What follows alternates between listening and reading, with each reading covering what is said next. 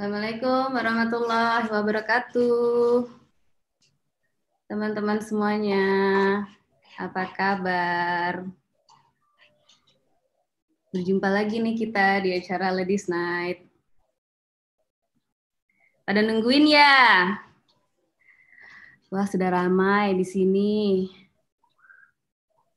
Alhamdulillah, udah ramai banget ini. Ah, Masya Allah, teman-teman. Dari mana aja nih? Wah, udah rame banget ya ini dari Bandung, dari Kapuas. Nah, kan mulai ya, kita mulai hari ini. Kita malu kita mulai ya malam ini ya. Jadi teman-teman udah pada nungguin ya.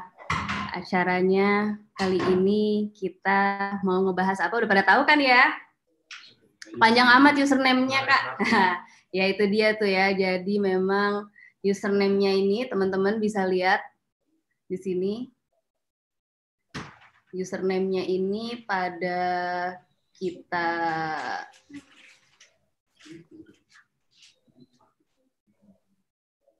pada pada pada kita ganti nih. Kita ganti sesuai sama pengalaman kita, sesuai dengan judulnya nih, judulnya Don't Be Fake Among Us. Ya, siapa yang di sini main gamenya? Ada yang main? Kak namanya lumayan panjang ya. Iya, panjang gitu ya. Host yang merasa tidak pernah dimanfaatkan. ya, karena begitu.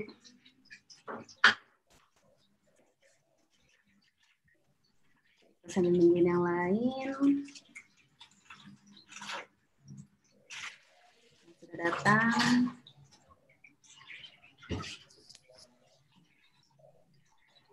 Teman-teman, yang nonton live di YouTube yang kelihatan di layar layarnya siapa nih? Aku doang ya? Kelihatan nggak teman-teman yang lain?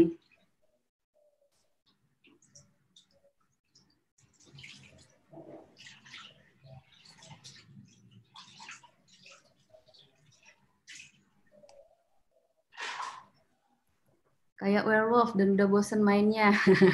nggak ngerti cara mainnya. Ya begitulah aku main 5 jam, masya Allah. Aku nggak tahu itu game apaan.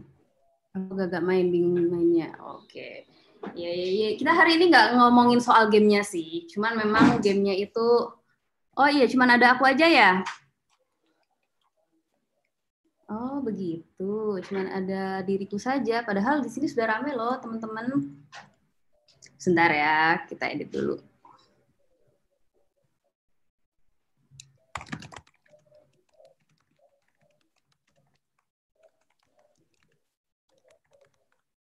Panggil semuanya yang lain-lain.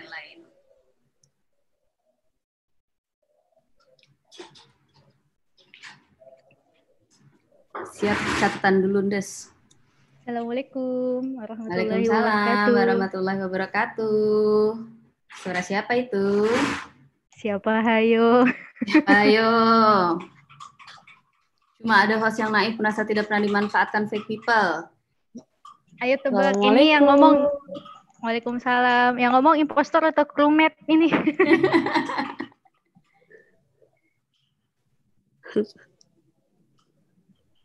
nah, gimana? Udah kelihatan belum sih nih? Yang lain masa aku doang yang muncul? Kita nih seperti orang-orang insecure ya, Mbak. yang nggak mau wajahnya gitu. Takut. Baiklah, okay, ya. muncul. Coba-coba munculin dulu satu-satu dong dengan nama-nama nickname kalian yang luar biasa hari ini. Iya. Anak genggong biar nggak insecure. Mantap. Mantap. Siapa lagi tuh? Assalamualaikum. Waalaikumsalam warahmatullahi wabarakatuh. Assalamualaikum. Impostor Kang Nudo, wah itu ya. Ternyata yang warna biru itu. Biasanya padahal yang yang imposter itu warna merah, Mbak. Biasanya gitu ya. Oh gitu. Biasanya gitu. Jadi di sini sudah hadir bersama kita ada anak genggong biar gak insecure dengan host malam ini host yang naif rasa tidak pernah dimanfaatkan oleh fake people gitu. Ada juga anak band korban sosial standar dan ada lagi yang lain Mana nih yang lain? Oke. Waalaikumsalam. Anak pindahan warahmatullahi overthinking. Waalaikumsalam warahmatullahi wabarakatuh. Di ospek dulu nih anak pindahan. Bukan. Anak baru kakak. Heeh, di Anak ospek dulu nih. Ikat pinggangnya Kita mana ikat pinggangnya? Astagfirullahaladzim. Ini satu lagi saudari kita ke mana nih ya? Belum muncul. Nah ini kata teman-teman udah muncul semuanya nih. Sudah mempersiapkan diri ya. Persiapkan diri. Sudah mempersiapkan diri untuk menghadapi dunia yang kejam ini. Asik. Ya guys, nih jadi nama-namanya yang mau curhat gitu ya mbak ya? Ya ini namanya jadi ya teman-teman yang sudah Curhat hadir di live kali ini, ini sebenarnya nama-nama kita mau curhat gitu. Jadi bisa dibayangin ya apa yang mau dicurhatin dari judul namanya. Halo, Halo. si ungu yang berbeda, asik. Bumil. semuanya ungu. Aku doang ya. ngikutin seleranya Shebi jadi berbeda. Semuanya ungu. Semuanya Kalau aku lagi di gua guys, Hari jadi Shebi. begini maaf ya. berbeda sendiri. Itu kayaknya impostornya, impostornya ya. Iya. Belum Udah tentu. Udah ada yang penasaran tuh. Jadi kan soal masalah kepalsuan ya, kepalsuan, tipu menipu gitu. Nah ini kan kita mau ngajak nih saudari-saudari sisters of yours ini buat cerita gitu, cerita tentang pengalaman. Pernah nggak sih ngehadepin gitu atau merasakan pengalaman-pengalaman yang ya terkait sama kepalsuan hidup atau terkait sama apalah barang KW kali ya. Ada yang di sini suka Penipuan koleksi SMS gitu ya, penipuan telepon. pulsa Mama gitu. minta pulsa. Ya, silakan nih. Siapa dulu nih ya? Kita mulai dari anak band ko- korban sosial standar kali boleh nih cerita nih. Kayaknya dia punya Iya. pengalaman yang gimana-gimana nih. Melas banget dari namanya ya mbak ya.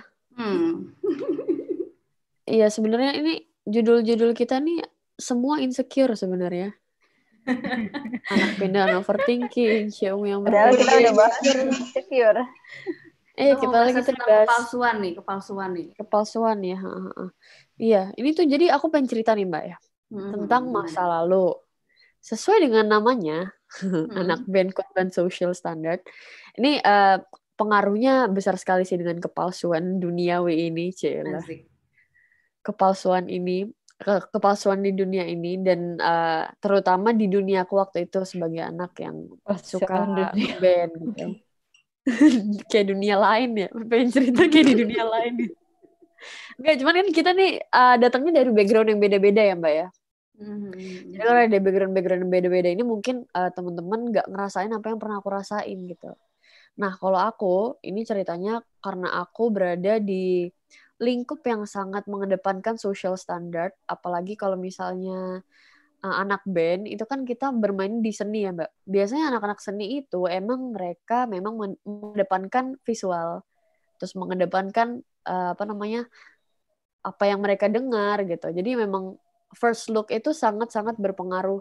Apalagi kalau misalnya memang ngebandnya itu yang manggung gitu. Karena ada kan ada orang yang ngebandnya itu eh, nggak manggung. Contohnya kayak bikin Main-main. karya aja, Iya, ha. jamming-jamming doang gitu. Tapi ada yang memang masuk ke industri dan harus manggung gitu, harus menampilkan dirinya. Nah waktu itu aku masih SMA ya. Dari aku aku ngeband dari SMP sampai SMA sampai akhirnya memutuskan untuk pakai kerudung dan akhirnya nggak ngeband lagi. Nah waktu zaman zaman ngeband itu karena aku ada di lingkup yang di mana lingkup itu mengedepankan social standard, jadinya aku eh, karena kita me- memperlihatkan sesuatu gitu ya, kita kan tampil nih. Jadinya memang kita harus eh, dandan gitu istilahnya. Kita harus nampilin diri dan itu menjadi hal menjadi salah satu indikator terpenting buat orang-orang jadinya yang dilihat memang apa eh, yang dilihat sama orang-orang memang fisiknya terus suaranya kayak gitulah Hmm. Intinya kayak gitulah muter banget aku ngomong dari tadi ya yang penting intinya begitu dah orang lihat tuh kalau anak band tuh dari fisiknya terutama karena nampil gitu nah Jadi- terus ya jadi Ya, ya lanjut lanjut silakan silakan. Kita Oke, mendengarkan oke. nih. karena karena kudu nampil jadi itu gimana ya mbak kita bertemu dengan orang-orang yang misalnya anak-anak anak-anak yang ngeband lainnya gitu itu kan mereka take care of their body gitu jadi benar-benar yang aduh uh, khawatir gitu kalau misalnya kalau misalnya penampilannya jelek. Jadi kita ikut ke situ. Dan itu itu standar yang terjadi di uh, industri anak band waktu itu waktu yang aku selami waktu itu. Jadi aku merasakan insecurity yang cukup tinggi pada tubuh tubuhku sendiri. Karena apa ya? Ngerasa aduh nggak bisa nih gue kalau tampil kayak gini. Nggak bisa gue tampil kalau jerawatan. Nggak bisa gue tampil kalau gue pendek gitu aku kan kecil ya aku sampai sekarang sampai sekarang kecil nih kita kan geng kecil guys ya Kita. Iya, Yuk. nyari Mungkin netizen, netizen belum pada tahu loh kalau kita tuh tingginya tuh ternyata serata gitu, serencengan sama gitu. semoga kalau Betul. pandemi sudah selesai kita bisa foto bersama Foto bareng ya, biar netizen, biar orang-orang teman-teman tahu. tahu gitu betapa Iya, kita iya. merasa bersyukurnya gitu dipertemukan dengan geng yang serata gitu kan tingginya. Ntar kayak ini ya, kurcaci-kurcaci gitu ya. Lanjut lanjut Nggak lanjut ada, lanjut. nggak ada Gimana, yang insecure kalau foto bareng nanti jadinya. Ah, iya Kalau aku dulu bilang bukan kecil tapi imut gitu. Imut. Iya. Oke, oke. itu salah Boleh, satu cara supaya kita gitu. ya betul betul, Ya, betul. emang dia selalu berbeda ya, emang si Ungu ini. Terus terus gimana gitu Den? sih. Gimana Den? Itu itu bagus untuk apa untuk salah satu cara untuk men, apa ya stimulus untuk membuat membuat otak kita tuh berpikirnya positif. Cuman waktu itu karena aku lingkupnya begitu kejam ya bukan kejam sih apa ya kalau aku bilang sekarang sih lumayan kejam ya karena harus ya. dituntut ini ini nampil segala macam. Jadi kita mikirnya aduh nggak bisa nih gue badan gue kayak gini nggak bisa muka gue kayak gini nggak bisa gue show up dengan keadaan kayak gini. Jadi aku eyeliner mencong dikit insecure. Ada jerawat dikit insecure. Terus eh, apa namanya pendek yang tadi aku bilang insecure. Jadi aku berusaha untuk gimana caranya aku bisa show up yang sesuai dengan standar yang orang-orang mau gitu. Yang ngenakin di mata sosial. Sementara eh, gimana ya? Ya kita kita tahulah apa yang sudah ada di diri kita. Itu kan merupakan takdir yang sebenarnya nggak bisa diubah gitu jadi waktu itu kebayang lah galaunya anak SMP SMA yang masih mencari jati diri terus udah gitu eh, apa namanya dihadapkan dengan dunia yang memang harus dituntut seperti itu terus nggak bisa ya gimana ya gue udah kayak gini gitu. Jadi aku sampai pernah ya mbak ya aku sholat minta doa ke Allahnya ya Allah tinggikanlah hamba 170 cm tanpa high heels. Itu aku saking saking putus asanya ya. Gimana nih caranya supaya gue supaya gue bisa show up gitu jadi memang apa ya eh, waktu itu mungkin aku juga berada di berada di apa lingkup pikiran yang nggak sehat gitu maksudnya dari diriku sendiri ya Hmm. nangkapnya itu nggak sehat mungkin ada orang lain yang bisa lebih cerdas menangkapnya cuman kalau aku dulu nangkapnya sebagai seorang remaja kayak gitu jadi kegalauannya itu sih lebih lebih banyak ke fisik ke fisik ya. Gitu. Jadi kayak kita tuh jadi nggak bisa menampil, kita merasa nggak bisa menampilkan fisik kita yang apa adanya sehingga kita tuh kayak harus memoles, harus di touch Bener. up, harus diapain gitu dan menjadi sesuatu yang palsu sebenarnya ya, yang bukan kita Bener gitu. Dulu high heel berapa kalau manggung? Pakai boots yang berapa senti? mohon maaf sudah lupa 12. Enggak sih kayaknya aku nggak bisa jalan pakai Tapi heels. bagusnya si Dena zaman-zaman itu masih ingat Allah, Mbak. Jadi minta pertolongannya iya, itu bener sama ya. Allah meskipun Nah. doanya nggak masuk akal sih. iya benar banget Benar-benar itu positif. sampai aku ya. nge-tweet loh nge-tweet di Twitter ya Allah berikanlah hamba badan yang tinggi kayak gitu Curhat di Twitter ya. itu kayak nggak ada doa yang lebih apa gitu. makanya kayaknya tinggi badan tuh satu-satunya permasalahan Satu-satunya. tertinggi dalam hidupku gitu Ya Iya, iya, iya. Ya Iya, iya. Ini buat yang Fase. baru bergabung, jadi kita nih lagi ngomongin bukan tentang gamenya ya guys ya. Jadi kita nih lagi ngomongin tentang dunia yang penuh dengan kepalsuan. Nah ini tadi barusan Dena cerita tentang gimana dia itu sebagai anak band yang kena korban sosial standar, itu dia tuh nggak bisa merasa nyaman dengan tubuhnya sendiri gitu. Merasa kayak harus, ya itu tadi ya, memenuhi ekspektasi sosial dan harus ya memasukkan gitu kan, memasukkan tinggi badan gitu. Kalau di SIM berapa tingginya ditulis? kalau dia apa Kalau di SIM aduh nggak tuh mau ditulis 168 loh. Jauh banget. Serius emang bisa? Eh ya gitu deh.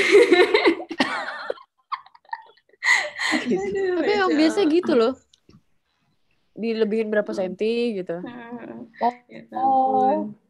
Gak Aku kebayang nggak main yang begitu kalau Mbak, itu kecil- mainan orang tua dulu. mainan orang gede. Masih 15 tahunan kan dulu. Ya Allah. Nih, sekarang coba nih yang impostor Kang Nuduh nih. Kenapa nih namanya impostor Kang Nuduh gitu? Coba ceritain dulu korban apa lagi nih dulu dari kepalsuan dan tipu menipu dunia ini. Ini kayaknya kalau dari namanya doang ya Mbak, seolah-olah kayak pelaku nih, bukan korban. Tapi sebenarnya.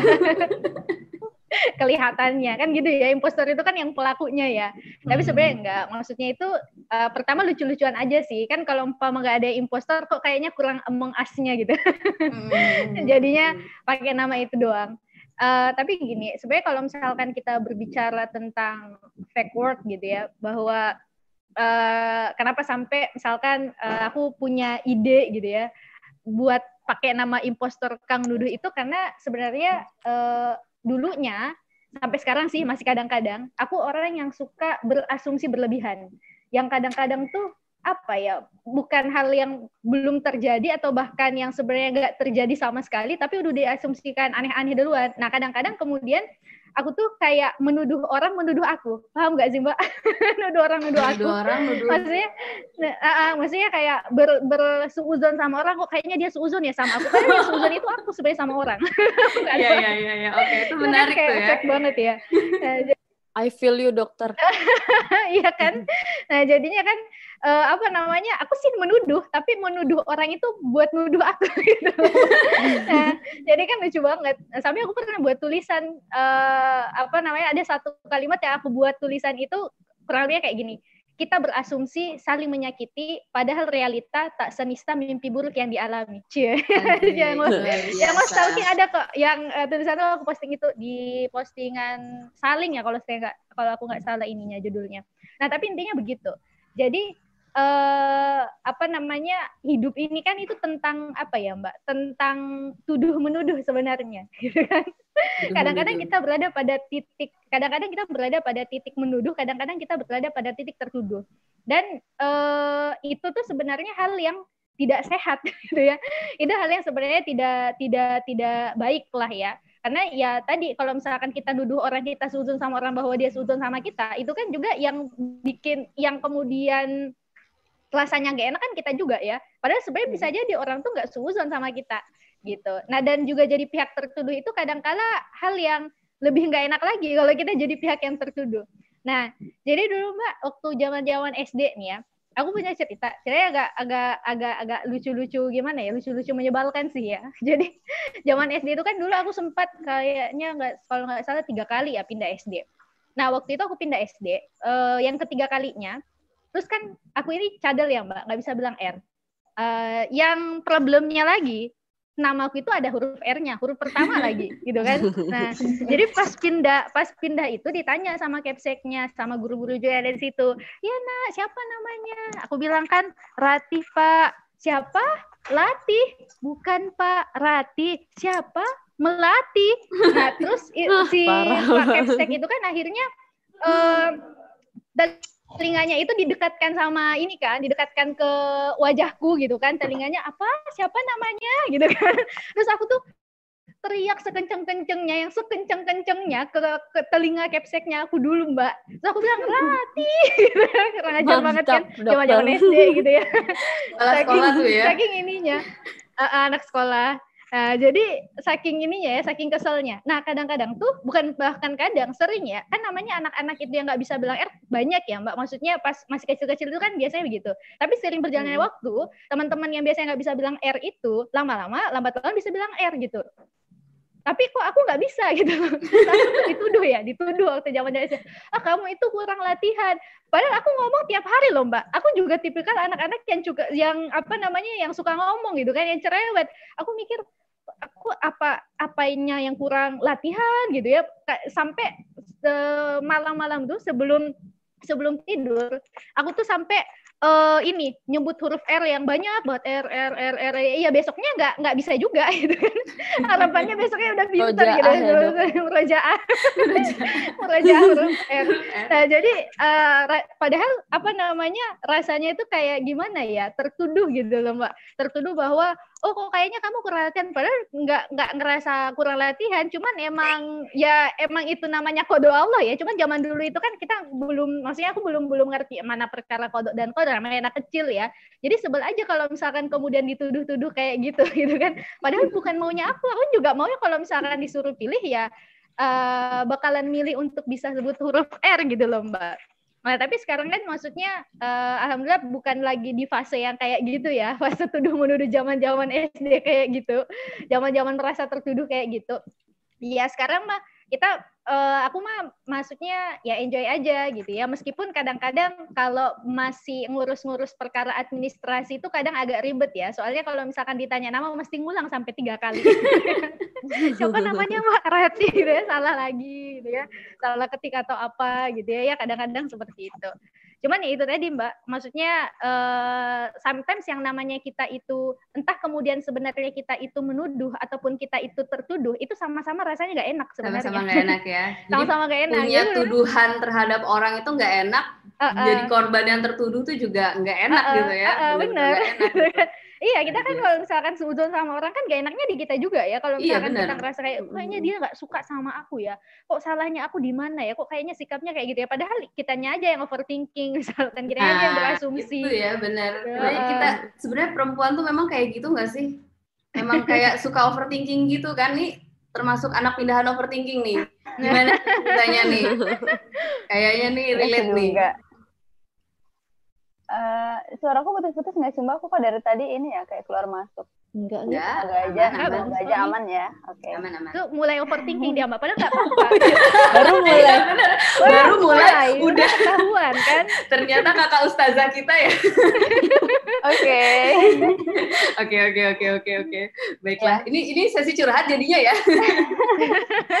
silakan, silakan jadi kalau ngomongin apa namanya tentang overthinking gitu ya, kayaknya emang tadi kalau Mbak Dinda bilang, kayaknya semua perempuan tuh kayak gitu ya. Hmm, bisa dikatakan benar gitu ya. Maksudnya kita itu kan punya hmm, apa ya eh, kemampuan untuk lebih banyak uh, apa ya pakai perasaan lah ibaratnya gitu kan ya. Cuma uh, memang ya itulah uh, ketika itu tidak ditempatkan sebagaimana mestinya, nanti kita jadi overthinking. Jadi semua tadi dipikirkan bahkan akhirnya uh, apa ya kemampuan cocokologinya perempuan tuh kayaknya paling the best gitu ya. Nanti disambung ke sini sambung ke sini. Jadi berasa detektif Conan gitu kali ya. nah emang kalau apa namanya mungkin sedikit cerita juga gitu ya. Aku itu dulu hmm, kalau tadi dokter Ratih bilang uh, anak pindahan juga ya maksudnya pernah pindah sekolah sama kita dok. Jadi tapi aku tuh pindah sekolah waktu SD sampai tiga kali Oh sama, aku ya. juga tiga kali. Tiga kali ya, oke. Okay. Jadi uh, tiga tahun, kemudian tiga tahun waktu itu di Malang, terus dua tahun di Bogor pindah lagi gitu kan. Intinya pindah-pindah gitu loh. Akhirnya kita ngerasain kayak yang mungkin satu fase di mana uh, ya tadi ya jadi anak pindahan, kemudian uh, aku ngerasain itu kita harus menyesuaikan lagi gitu ya sama sama teman-teman baru, sama keadaan baru. Jadi, jadi kayak akhirnya jadi apa ya kita itu kalau waktu itu sih ngerasa yang namanya anak-anak gitu ya. Kayak nggak bisa ngerasa menjadi diri sendiri lah ibaratnya gitu. Hmm. jadi eh, tadi mungkin overthinking juga gitu. Kemudian uh, apa ya kalau buat nyari temen meskipun kalau dibilang siapa yang mau temenan sama kita ya ada gitu kan pasti yang mau temenan. Cuma kitanya sendiri ini untuk membangun atau membuka diri kepada yang lain ya itu kadang-kadang yang akhirnya uh, kalau menurutku itu jadi hal yang masalah banget di waktu SD itu. Sampai akhirnya uh, aku bersyukur uh, pola itu bisa berubah. Jadi waktu aku masuk ke SMP SMA waktu itu satu sekolah itu satu-satunya sekolah aku lama banget enam tahun gak pindah-pindah ya. Akhirnya itu baru mulai ya bisa mengeksplorasi diri, kemudian jadi tahu oh ternyata passionnya di sini, oh ternyata bisa ini dan lain sebagainya. Ya, jadi eh, perlahan overthinkingnya itu hilang meskipun meskipun ternyata nggak juga. jadi justru waktu pas SMA SMA itu itu yang menurutku parah banget. Jadi waktu itu aku pernah jadi ketua kalau Darun aja waktu itu anak DN mungkin ada yang nonton gitu ya. Ada, yang ada anak DN di sini, anak DN. Jadi ada yang namanya ketua OSDN gitu kan ya. Ada yang namanya ketua OSDN atau kayak ketua OSIS lah gitu ya bahasanya. Nah kalau di Putri waktu itu uh, Kodarullah terpilih gitu ya jadi ketua OSDN. Nah itu pun lebih overthinking sejak saat itu. Jadi misalnya setiap kita mau ngomong depan orang gitu kan, aduh kayak tadi salah nggak ya omongan gue misalnya salah nggak ya atau ada yang ini ada yang kurang segala macam terus itu sampai anak-anak itu gemes kadang-kadang Bel ya Allah katanya tuh gitu. Maksudnya kayak apa ya akhirnya di ya memang perlu gitu kan maksudnya masukan-masukan kayak gitu tadi. Jadi biar akhirnya kita juga merasa apa ya maksudnya apalagi sebagai pemimpin gitu ya kan harusnya eh, nggak terlalu overthinking banget seperti itu. Artinya ya perasaan seperti itu mesti dikendalikan gitu. Makanya dari situ juga banyak belajar akhirnya setelah menjalani gitu kan ya nah penempaan-penempaan seperti itu belakangan mulai berkurang. Berarti memang overthinking itu ya salah satu juga yang bisa menyebabkan orang tuh jadi suuzon ya. bisa Jadi kita nuduh diri kita Mm-mm. sendiri kayak nggak Mm-mm. mampu atau ngerasa Benar. nggak nyaman gitu ya. Itu itu pengalaman yang Kak Sabil rasakan ya. Jadi Mm-mm. akhirnya overthinking gitu. Gara-gara suuzon. Ya ini sih memang ya penyakit kita semua kayaknya ya. Untuk menciptakan apa suasana yang bisa positive thinking tuh emang perlu usaha sih ya, perlu effort Mm-mm. banget gitu. Mm-mm. Sampai Coba. waktu itu aku ingat banget waktu SMA gitu. Akhirnya aku eh, nggak tahu ya mungkin akhirnya Allah mungkin menunjukkan tadi itu. Jadi aku ke perpustakaan Hmm. waktu itu nemu buku yang buku itu kayak udah sering banget aku lihat tapi akhirnya baru apaan sih ini kayaknya bukunya bagus ya. Akhirnya baru kebaca judulnya itu terapi berpikir positif. Mungkin ada yang tahu. Hmm. Jadi itu tuh aku lupa ya nulis yang nulis kalau nggak salah Dokter Najih Ibrahim. Beliau itu orang di luar negeri ya. Maksudnya itu buku terjemahan pada saat itu. Nah akhirnya atau mungkin teman-teman nanti kalau misalnya ada yang mau nyari coba aja cari terapi berpikir positif Mhm. gitu ya Dokter Najih Ibrahim. Nah itu dari situ akhirnya mulai itu perlahan ya kita punya uh, ngebangun oh gimana caranya harus uh, mengobati tadi ya overthinking terus berpikir positif dan sampai sekarang itu berpengaruh banget menurut aku. Oh, masya Allah, bagus tuh. Tapi Iya, iya, iya. Kak Sadel, kalau misalnya Kak Sadel, kalau misalnya overthinking itu dia eh, termasuk ke kategori orang yang kadang dia perfeksionis gak sih? Eh, kalau perfeksionis itu kan apa ya? Kan kalau perfeksionis tuh kayak semuanya harus Ah, perfect. Akhirnya dia Hmm, Oke. pikiran semuanya, ih gak bisa gini, gak bisa gini. Kayak dia Ah, ada sih mungkin ke arah-arah sana ya. Cuma ternyata eh, nggak bisa juga semuanya tadi yang overthinking ternyata bisa ke arah perfeksionis. Kalau ke arah perfeksionis mungkin dia better gitu ya. Ada yang ke arah-arah dia juga minder tadi itu mungkin ya atau kayak malah justru nggak percaya sama apa namanya kemampuan diri sendiri gitu. Nah aku lebih yang kedua Karena baru nyemplung ya kak ya. mungkin bisa. Tapi karena aku menurutku deh. iya menurutku itu ya jadi pengalaman juga apalagi kan tadi ya Hmm. misalnya berangkat dari awalnya mungkin anak pindahan tadi lah ceritanya kayak Hmm. ih bisa apa sih gue bisa apa sih misalnya gitu terus tiba-tiba pas kalinya nyemplung dalam apa namanya organisasi seperti itu tiba-tiba dipercaya dengan kepercayaan yang masya Allah gitu akhirnya lebih ini lagi lebih overthinking lagi tapi aku rasa ya Hmm. dalam banyak hal tadi ya dalam hidup kita aku selalu kalau sampai sekarang sih selalu ngambil pelajaran kayak Allah tuh mau mendewasakan kita dengan caranya jadi Hmm. ada aja kita akan di dipertemukan tadi ya dengan babak-babak hidup yang masya Allah sampai sekarang akhirnya aku jadi ingat banget momen itu untuk pelajaran. Jadi momen-momen yang dulu itu dianggap sebagai sesuatu pengalaman yang negatif, sekarang itu ngelihatnya kayak ya itu adalah bagian dari proses pembentukan kepositifan Kak Sabel hari ini gitu ya. Keren banget, Masya Allah, luar biasa pengalamannya ya. Ya memang beda kakak Ustazah. Next kita ngobrol nih sama si Ungu yang berbeda nih. Kalau si Ungu yang berbeda gimana ini si Ungu yang berbeda ceritanya? Curhat dong. dong. Dengeran nggak mbak suaraku? Kedengeran. Kedengeran. Soalnya dari awal tuh kayak dari SMP, SMA, aku tuh kayak ngerasa berbeda gitu. Kalau SM dan berbedanya tuh bener-bener kayak 180 derajat lah ya. Kalau SMP kan aku aku belum hijrah tuh aku jadi kayak aku tuh pengen jadi orang yang berbeda. Jadi mencolok sendiri gitu loh. Kayak misalnya pakai kunciran tuh tinggi banget gitu. Sampai se Ojini dong nih. Iya, beneran sampai kalau misalnya dari anak kelas 1, kelas 3, kelas 2 gitu. Misalnya aku di pertengahan sampai guru-guru tuh semuanya kenal aku kayak gitu. Jadi sampai kayak bener-bener berbeda, udah gitu kan suka ungu kan dari dulu. Akhirnya ya barang-barang apa pun itu ya ungu gitu loh. Akhirnya orang tahu gitu, jadi itu terkenal dengan si ungunya. Si kayak Ungu. Iya dan berbeda banget kan. Orang itu kan misalnya apa pun misalnya temanya, nanti aku harus selalu pilih umum misalnya kayak gitu. Dan ataupun pakaian aku kayak gitu. Jadi kayak pengen kelihatan beda gitu. Tapi bedanya itu salah kalau menurutku karena bedanya itu kayak narik perhatian kayak gitu. Karena kan persepsi aku tentang hidup ini dulu gitu kan eh, apa ya?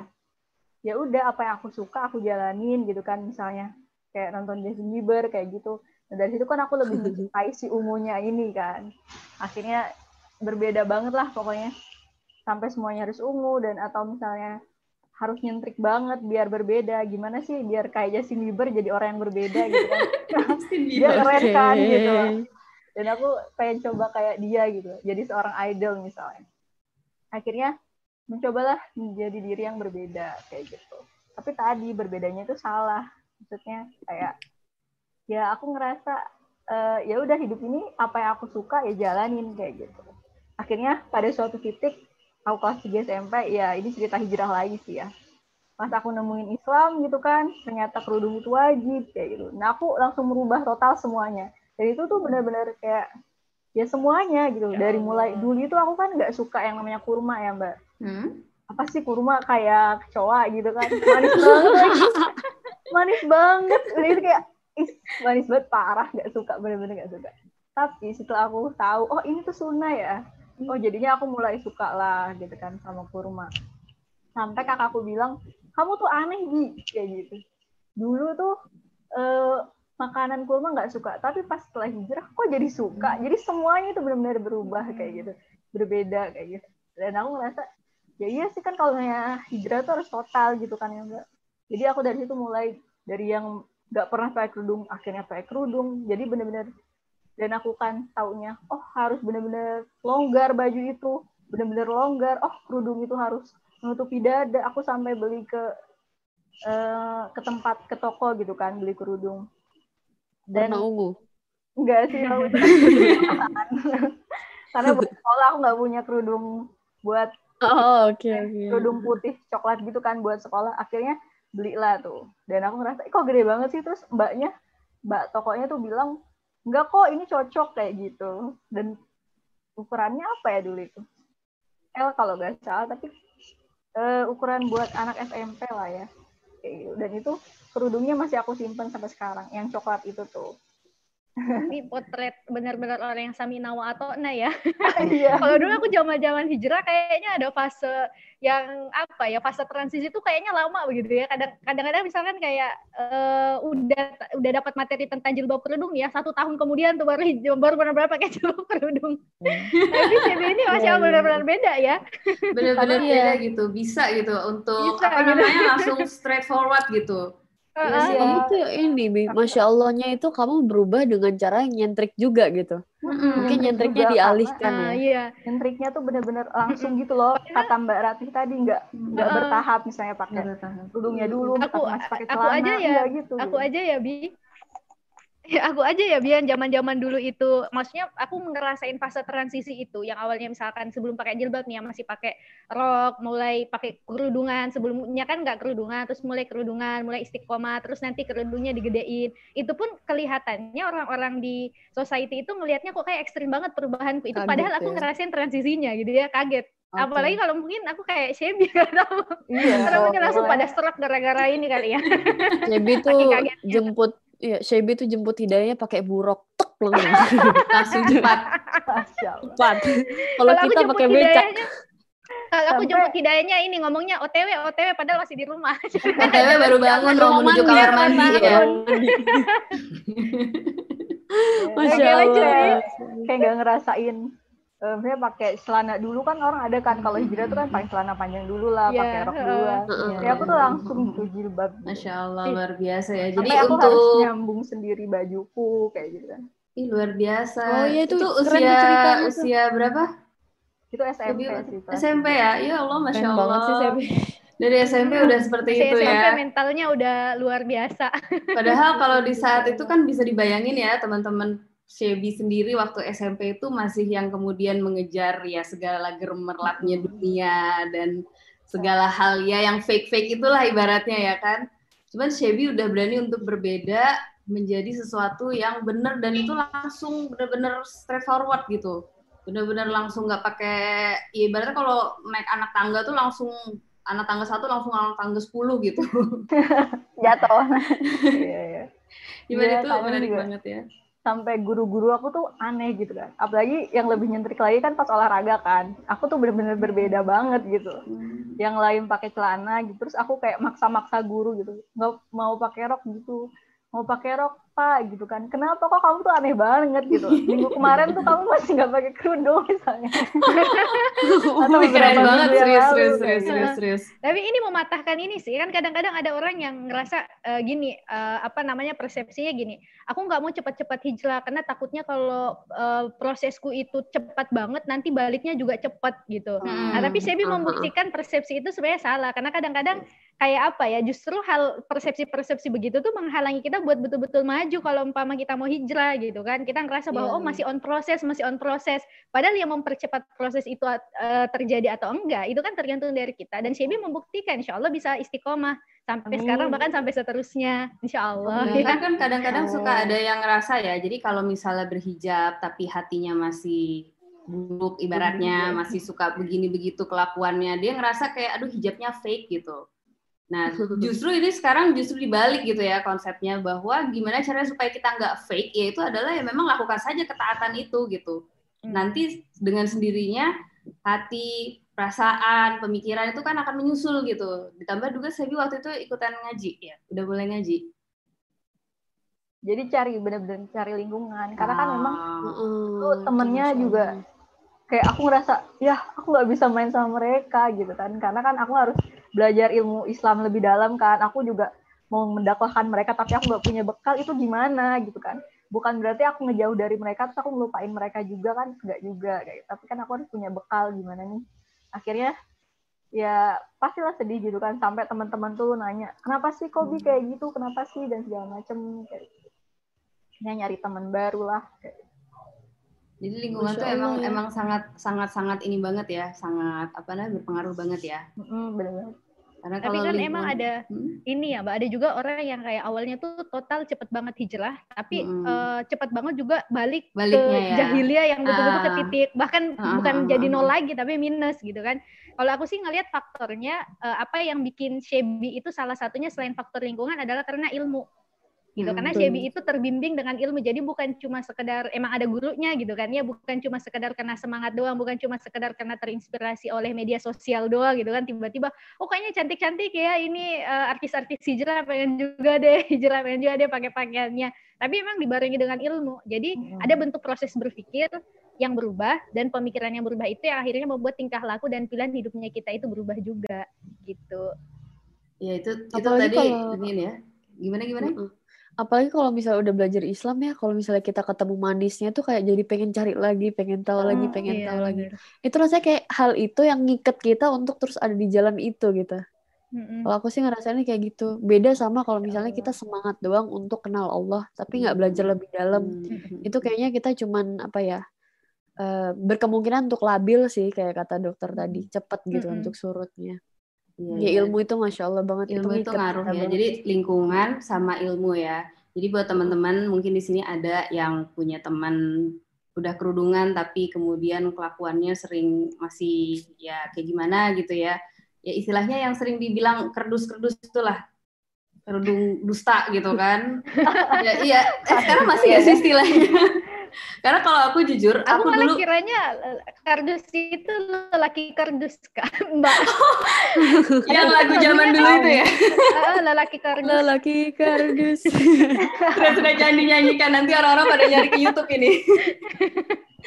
Tapi dulu memang aku pernah punya pengalaman sih, ibaratnya dulu aku itu sempat kayak menjadi sebuah pembenaran gitu ya untuk nggak mau berhijab gitu. Karena apa? Hmm. Karena aku melihat contoh ada yang Eh, perempuan-perempuan kerdus itu tadi gitu. Kerudungan tapi kemudian kelakuannya nggak keruan gitu yang ternyata 180 derajat wah ngeri banget lah seperti itu. Itu sempat yang kayak bikin aku yang emang awalnya juga nggak niat untuk berhijab gitu ya. Jadi kayak punya legalitas gitu untuk hmm. ya udah daripada pakai kerudung palsu ya kan? Daripada kerudungan tapi impostor gitu kan? Mendingan nggak usah aja sekalian gitu. Kalau hatinya belum siap masih belum baik gitu Cuman ya kalau tadi dari teman-teman itu semuanya udah cerita, ya itu sebenarnya salah satu uh, apa ya tips ya tips gitu untuk supaya gimana caranya supaya kita bisa benar-benar hijrah, kita udah niat, udah pakai uh, kerudung, udah berhijab, udah berjilbab gitu, terus memperbaiki tingkah laku selanjutnya kan jadi PR. Nah, cuman itu tadi ya harus punya teman sama memang meng, apa namanya mengupgrade ilmu gitu. Nice, nice. Ini ada yang belum ngomong nih di kegelapan nih.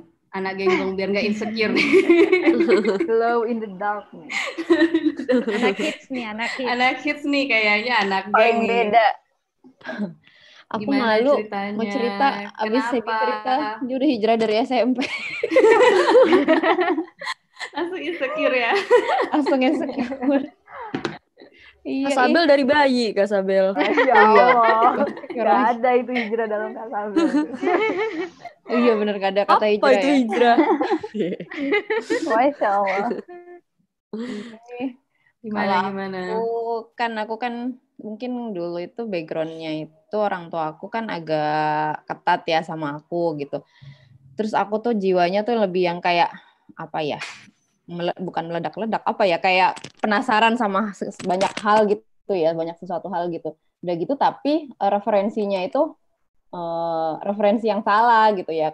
Seperti anak SMP SMA kebanyakan ya nonton film atau eh, dari Hmm. majalah kan gitu kan. Terus dari mungkin iklan di TV atau apa. Jadi menganggapnya ya itu tadi sosial standarnya yang seperti itu gitu.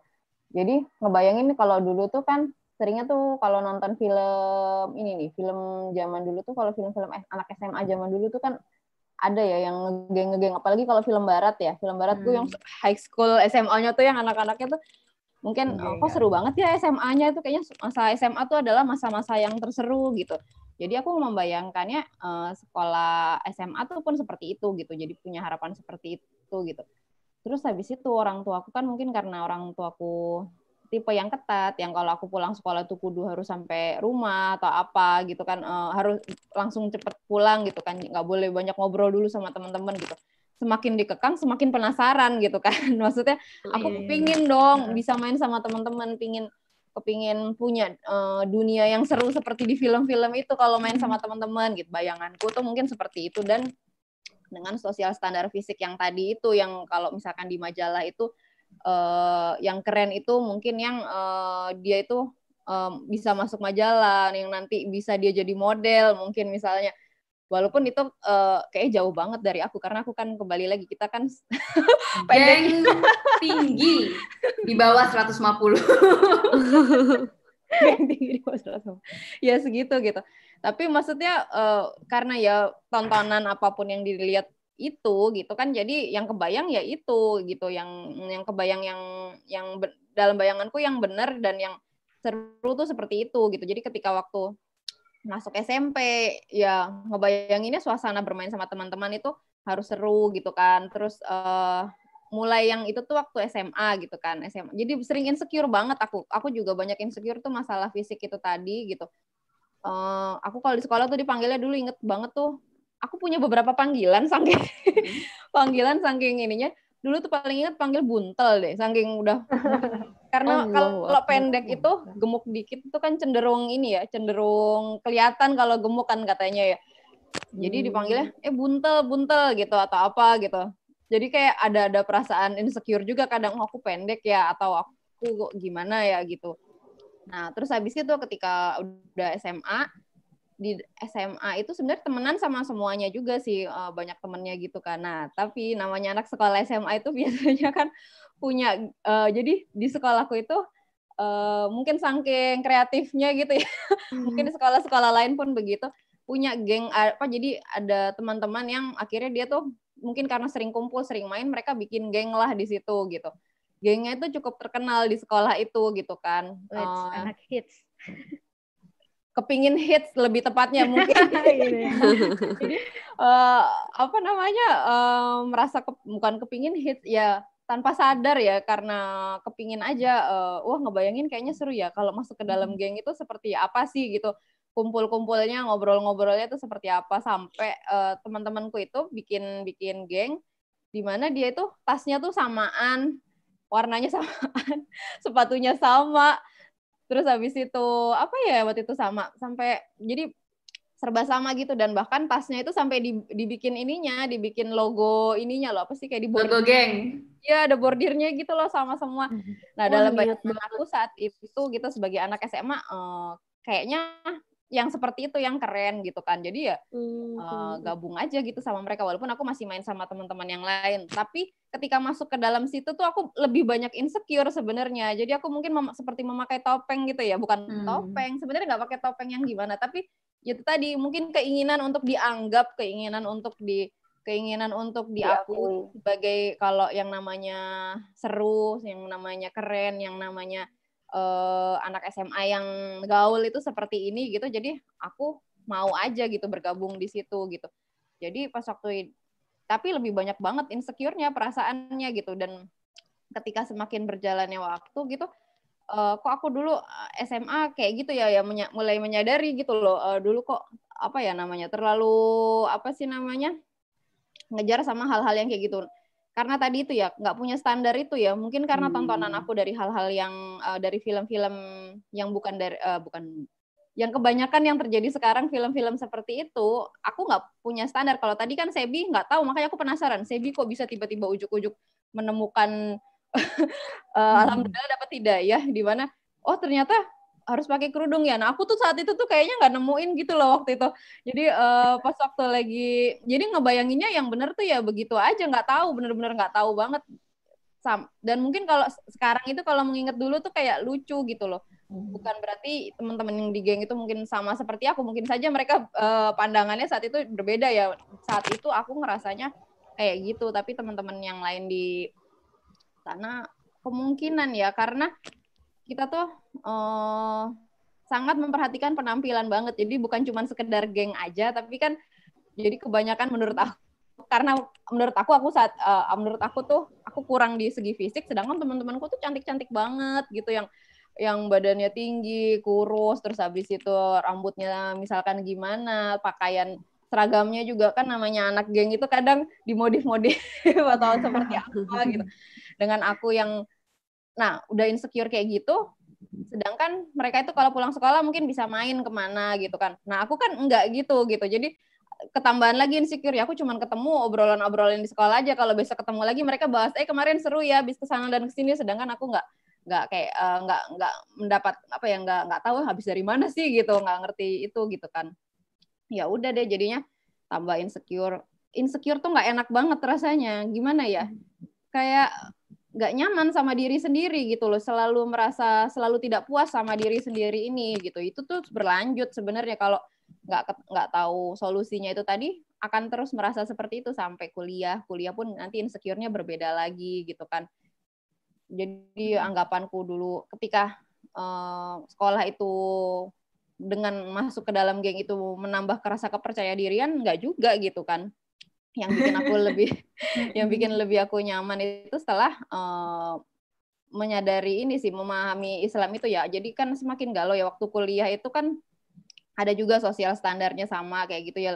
Jadi masalah fisik ya misalkan di masalah kuliah eh, kalau aku dulu karena kuliahnya desain misalkan kalau nih eh, nah kalau seandainya apa namanya nilai nilai ujian itu kan mungkin kalau yang materi yang jelas itu kan nilai eh, bener salah itu kan kelihatan gitu ya. Tapi kalau seandainya anak desain itu kan desainku perasaan bagus-bagus aja tapi kok nilai sama dosen segini misalnya insecure Hmm. lagi atau maksudnya hal-hal kayak gitu tuh banyak lah yang bikin insecure dan jadi nggak pede. Gampang orang yang insecure itu sebenarnya bikin gampang terombang-ambing gampang kebawa ke sana ke sini apa yang orang bilang begitu kita ikutin tapi belum tentu seperti itu gitu sampai aku capek kayaknya ngerasa kayak gitu gitu kan. Kok aku juga eh, merasa gini-gini aja? Ya itu sih alhamdulillah hidayah itu datang aku kan suka ke apa toko buku terus mulai cari-cari buku dan entah kenapa tuh yang aku baca tuh mulai buku-buku Islam gitu kan. Yang di mana ketika mengetahui standar Islam itu seperti itu kok terus nyadari oh harus pakai kerudung ya? gitu oh eh, ternyata orang yang nggak bisa pakai apa orang yang nggak pakai kerudung itu nggak bisa nyumbu surga aku langsung takut banget besokannya aku langsung pakai eh, besok lagi. secure lagi terus aku langsung pakai pakai kerudung gitu kan ya itu bertahap tapi nggak sampai kayak Sebi gitu cepet banget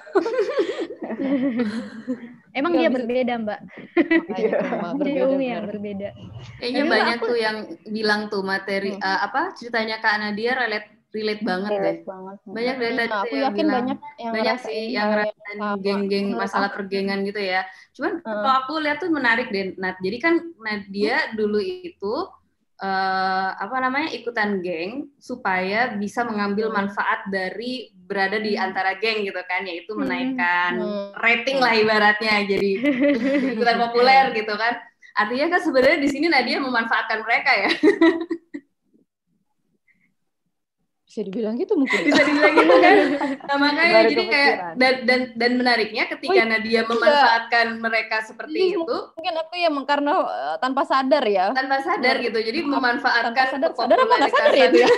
Jadi kepopularitasan geng itu untuk nemplok gitu kan ibaratnya dan Hmm. dan kalau aku ya karena itu tadi ini makanya judulku yang host yang naif merasa tidak pernah dimanfaatkan oleh fake people karena aku dulu Aduh. punya teman punya sahabat juga yang memang dia tuh sering main sama geng-geng seperti itu juga gitu yang anak-anak dari fakultas yang keren-keren gitu ya waktu kuliah gitu. Dan dia itu kalau misalnya cerita ke aku dia itu ceritanya kalau cerita tuh kayak aduh sebenarnya gue nggak suka banget main sama mereka tuh cuman gue harus pasang muka fake gitu loh kalau misalnya ketemu mereka. Terus aku Ya bingung gitu karena dia setiap cerita ke aku ceritanya kayak gitu melulu gitu kan. Ya terus kalau misalnya kayak gitu ngapain ditemenin gitu kan?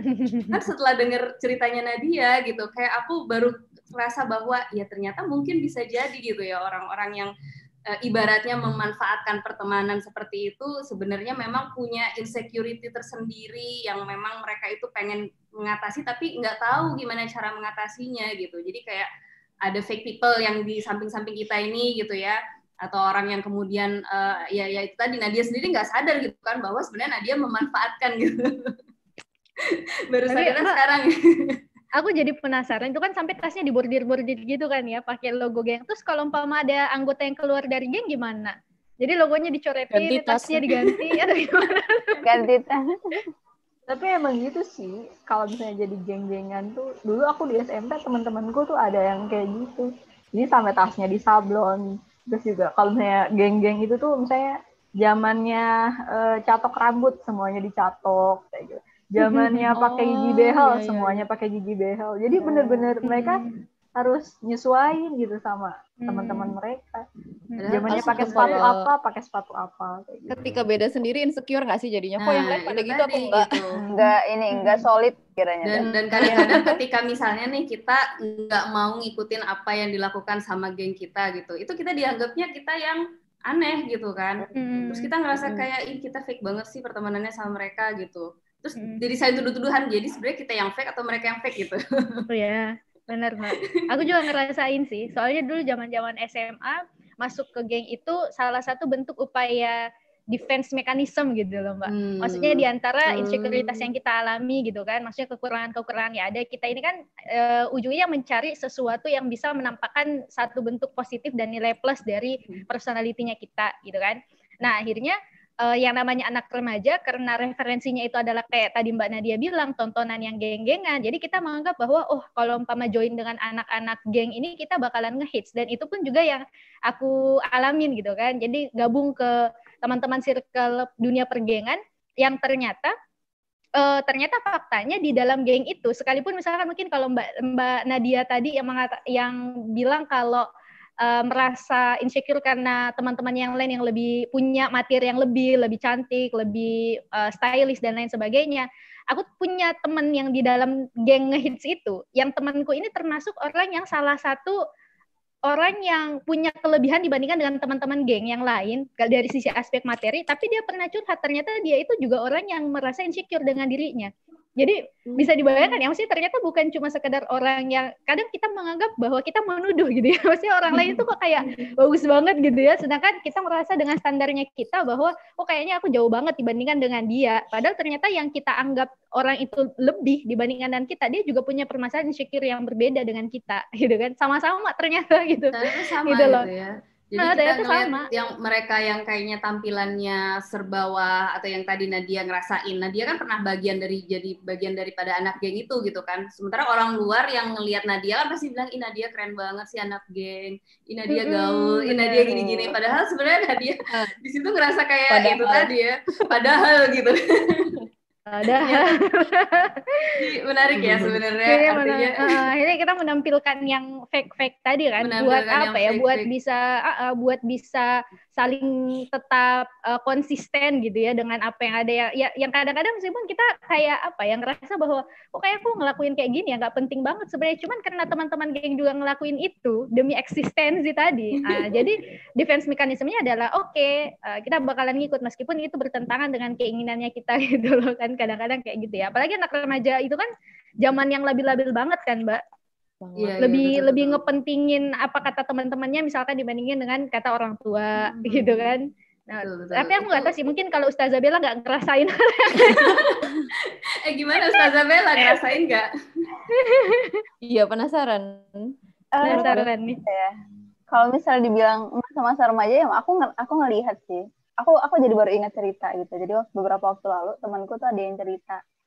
Jadi inget apa namanya dia itu cerita waktu itu maksudnya flashback lah waktu hmm, kita masih SMP atau SMA karena kan tadi ya aku sekolah SMP SMA kan enam tahun gitu dalam satu sekolah. Dan kebetulan teman ini teman yang benar-benar dari awal banget. Kayak sekelas bareng dari kelas 1 maksudnya kalau di sana kan bilangnya satu SMP itu kelas 1 jadi kelas 1, 2 sampai kelas 6 nanti itu. Nah, karena dia tahu banget nih, terus eh, beberapa waktu lalu kemarin dia tuh cerita gitu kan ya. Kan karena temen dekat gitu ya, eh, ceritanya itu pakai gue lu gitu kan. Eh, Kemudian dia itu cerita lah gitu. Dia inget gitu ya, gue tuh inget banget kata dia tuh gitu. Gimana eh, Bella dulu itu waktu dari SMP ketika orang lain tadi itu hmm, apa ya pada pada fase di mana mereka sedang mencari mungkin jati diri, mencari kayak pengakuan tadi itu ya dari lingkungan kayak harus ngegeng atau harus apa tadi itu. Maksudnya ini aku cerita dari testimoni dia karena aku nggak bisa menilai tadi itu aku pada masa itu seperti apa. Tapi menurut dia tadi itu katanya itu ya apa namanya unik gitu loh. Eh, di saat orang lain tadi itu lagi mencari lagi fase-fasenya untuk membuktikan dirinya seperti apa tapi kayak si Bella ini tuh kayak ya udah dengan dengan fokusnya sendiri gitu kan. Jadi waktu itu aku juga oh ternyata orang lain melihatku tuh waktu itu seperti itu. Tapi kalau dari dari aku sendiri dari kacamata aku eh, dari apa yang aku alami sendiri memang pada saat itu aku nggak nggak merasa tertarik untuk apa ya untuk kayak oh misalnya di geng tadi itu ya kayak gue harus ngegengnya. Atau apa itu kayak oh, ya udah sih teman-teman sama siapa aja kan gitu. Terus kayak eh, Wow. kita makan dewasa banget ya masya Allah kita makan cuma apa ya. saya kayak tugasnya belajar gitu kan jadi kayak mikirnya tuh belajar diskusi tuh apa Masya sih? Allah. temen aku sama siapa aja gitu aku mikirnya kayak gitu tapi dari hidupnya temen Bella lurus amat ya Allah Ya Allah, aku aku langsung malu dan merasa kotor. Ngebayangin seandainya aku Tapi- dulu gitu nggak perlu malah- ngelewatin masa-masa kayak gitu. Aku malah waktu itu Masya aku Allah. mikir apa apa jangan-jangan aku tuh aneh gitu kan pada saat Hmm. itu karena ngerasa kok Hmm. kayaknya beda gitu sama yang lain tapi ternyata Hmm. tadi ada temen yang kemudian berpendapat oh berarti eh, apa namanya kayak lo tuh dari dulu tuh emang udah udah tahu nih apa namanya Hmm. udah punya eh, satu mungkin pandangan kayak hidup tuh harus seperti apa terus masa muda itu harus Hmm. seperti apa dan itu kalau katanya teman-teman itu kayak beda gitu sama yang lain Hmm. jadi eh, aku akhirnya dari situ bersyukur. Mungkin ada banyak faktor tadi itu yang aku cerita sebelumnya tadi itu ada fase-fase di mana eh, kita mencoba untuk apa namanya eh, menerima gitu ya. Maksudnya belajar dari keadaan sebelumnya terus akhirnya gimana caranya Allah ngasih jalan ke kita tadi itu untuk menjadi kalau kata dokter tadi dewasa gitu kali ya Nice, nice banget ya. Itu jadi luar biasa ibaratnya. Jadi sebenarnya kalau aku ngelihat ya masalah pergengan dan perfakean pertemanan yang fake atau itu itu sebenarnya mungkin lebih kepada karena memang kita tuh dulu terjebak atau tersesat gitu ya mencari jati diri seperti apa jadi ada yang begitu ikutan ada yang ke sana ikutan gitu sementara kalau dari uh, ceritanya Kak Sabel, Kak Sabel itu udah pakem gitu, udah ketemu gitu pakemnya bahwa ya udah harus begini. Jadi makanya nggak belak-belok lagi gitu, nggak kemudian yang ibaratnya cari-cari jati diri mana-mana lagi, nggak yang yang ya karena udah pakem gitu dan udah tenang gitu ya ibaratnya ya. Udah udah udah ngerasa kayak ya. udah punya prinsip gitu, makanya kemudian yang orang-orang mungkin bilang ya ya jadilah dirimu sendiri. Nah mungkin seperti itu gitu ya yang Kak Sabel dulu lakukan gitu. Ini mungkin teman-teman yang ada di live chat yang sudah hadir di sini, ini menarik nih ya pembahasan tadi. Tadi aku menemuin komen bilang soal geng yang tadi tuh nggak bagus gitu. Oh, geng kayak itu tuh nggak bagus. Ya tadi tadi kan kita soalnya ngomongin soal geng-geng yang yang mungkin dulu karena pengalaman kita masih jahiliyah belum paham gitu ya. Jadi gengnya tuh nggak gengnya ceritanya kayak gitu semua gitu. Cuman ini menarik loh. Ini teman-teman yang ada di live chat, ini semuanya lagi pada pengen bikin grup gitu mereka pengen iya, geng gitu. nih. tapi ngegengnya masya Allah ya kalau di live Yuk Ngaji ngegengnya geng hijrah gitu kan. Masya Allah, ini silakan teman-teman manfaatkanlah ya momen-momen seperti ini untuk mencari itu tadi ukhuwah gitu persaudaraan hmm. gitu. Karena ya memang kalau misalnya kita ketemu teman di tempat clubbing ya ya udahlah. Memang artinya ya kita berteman dengan orang-orang yang seperti itu. Gimana gimana caranya kita mau berubah kalau misalnya kita ketemunya orang-orang yang seperti itu lagi gitu tapi kalau kita ketemu di sini, ya mungkin yang ada ya dari dari uh, yang nonton live hari ini gitu ya, yang mungkin sebenarnya masih jauh dari kata baik, masih dari kata suci gitu, cuman punya niat untuk berubah gitu kan, dan ketemu sama teman-teman yang baik-baik di sini, yang udah hijrah duluan gitu, terus kemudian membuat pertemanan yang uh, sama-sama grup hijrah gitu. Ya mudah-mudahan sih jadi jalan ya buat teman-teman untuk sama-sama istiqomah gitu. Nah, itu menarik deh. Menarik tuh tadi pembahasan soal apa ya tadi ya tentang pencarian jati diri gitu. Nah jadi balik lagi nih cerita ke yang awalnya nih, Dena, gimana tuh akhirnya bisa overcome gitu dari permasalahan sosial standar gitu? Dengan fisik yang uh, seperti itu, terus akhirnya bisa overcome dari permasalahan insecure itu. Uh, uh, Sebenarnya itu it's a long process ya mbak ya. Nggak bisa yang langsung cepat overcome ya. Nggak bisa yang langsung naik buruk ya Sebi. Soalnya kan uh, setelah proses itu mungkin aku coba pakai kerudung gitu. Uh, terus berjalan. Terus setelah itu setelah itu kan aku lulus SMA itu kan kejadiannya waktu aku SMA ya. Lulus SMA habis itu lulus SMA pindah. Uh, waktu itu aku SMA di Surabaya ngikut ngikut keluarga. Karena waktu itu keluarga pindah di Surabaya terus balik lagi ke Jakarta. Aku lahir di Jakarta. Pas balik itu kerasa lagi kan perbedaannya gitu. Kalau mungkin mungkin circle sekolah ini ini di luar circle anak-anak seniman ya. Circle di sekolah itu mungkin nggak semua orang terlalu memikirkan penampilan gitu. Tapi ketika datang ke Jakarta balik lagi ternyata orangnya badai-badai gitu. Jadi jadi insecurity-nya datang lagi gitu maksudnya uh, naik turun si flow-nya nggak langsung cepat bisa istiqomah gitu. Nah proses penerimaan diri uh, bisa lebih nyantuy, lebih nggak insecure itu prosesnya ya belajar sih mbak. Kenal ilmu gitu, kenal lagi oh ternyata kita tuh dedikasi hidupnya bukan buat manusia ya. Kalau buat social standar ya nggak akan kelar gitu. Kalau buat social standar ya kayak gue nggak pantas ada di dunia ini pergi aja gitu. Cuman kan uh, balik lagi kalau misalnya kita udah belajar, oh ya kita ini menghamba, kita mengakui diri sebagai hamba, kita bersaksi bahwa tiada Tuhan selain Allah, ya udah berarti kita memang uh, menempatkan diri kita sebagai hamba, sebagai orang yang mendedikasikan hidupnya di sini, yang di mana ini pemberian dari Allah ya untuk Allah lagi gitu. Jadi ya social standard itu lama kelamaan uh, menjadi apa ya dulu kan itu prioritas pertama ya hmm. pandangan manusia pandangan orang lain itu lama-lama jadi turun turun turun karena belajar sih pelan-pelan dan itu prosesnya nggak cepat gitu jadi kalau buat teman-teman yang masih sering insecure mungkin aku juga masih sering insecure sekarang cuman mungkin uh, lebih cepat ingetnya gitu. Kalau dulu kan nggak ada pegangan ya, jadi insecure ya udah insecure aja terus sampai stres gitu kan. Kalau teman-teman sekarang yang mungkin ngerasa insecure, take your time aja terus belajar. Maksudnya nanti kita akan menemukan kok titik di mana kalau misalnya kita insecure oh ya balik lagi balik lagi dan itu dan itu cepat itu itu membantu banget gitu. Tadi poinnya yang di highlight itu tadi ya tentang penerimaan diri itu ya. Salah satunya kita menyadari bahwa itu tadi kita ini siapa sih gitu ya hambanya Allah gitu. Dan kita itu menerima gitu ya dengan pemberian dari Allah apa namanya ya dengan tubuh yang ukurannya memang segini ya udahlah mau ditambahin 170 tuh apa emang dimelarin gitu ya? Nggak mungkin kan gitu. Dan itu kayak apa sih istilahnya self love gitu ya. Uh -uh. self love nya dengan cara menghamba ya. Dengan menghamba tapi btw hmm. uh, ini implementasinya tidak semudah aku ngomonginnya mbak ya. Hmm. Hmm. Jadi prosesku juga panjang. Jadi kalau misalnya memang susah untuk apply-nya, kita semua susah untuk apply-nya nggak apa-apa, santuy aja pelan-pelan aja gitu. Pokoknya belajar sedikit-sedikit mencintai diri sendiri gitu belajar gitu deh dulu aku zaman zaman kuliah Hmm. juga maksudnya udah udah pakai kerudung udah belajar Islam juga masih insecure kok kalau punya jerawat Hmm. insecure kalau apa ya ada ada orang yang badai gitu teman kampus karena mungkin kebawa dari background yang ngelihatnya standar sosial itu Standar tadi ya sosial. Iya, iya. jadi nggak bisa nggak bisa langsung saklek gitu Jadi memang proses untuk self love itu butuh perjalanan juga gitu ya untuk sampai bisa pada titik ya udah alhamdulillah gitu loh dengan apa adanya diri kita gitu. Kalau Nadia gimana Nat? hmm ya itu tadi sih pas waktu mulai eh, menyadari semakin insecure semakin insecure. Terus eh, merasa tiba-tiba kok aku sehari-hari ngerasanya kok aku gini-gini aja ya dengan aku yang seperti ini gitu. Sebenarnya aku waktu itu tidak dalam rangka mau mencari solusi dalam insecureku.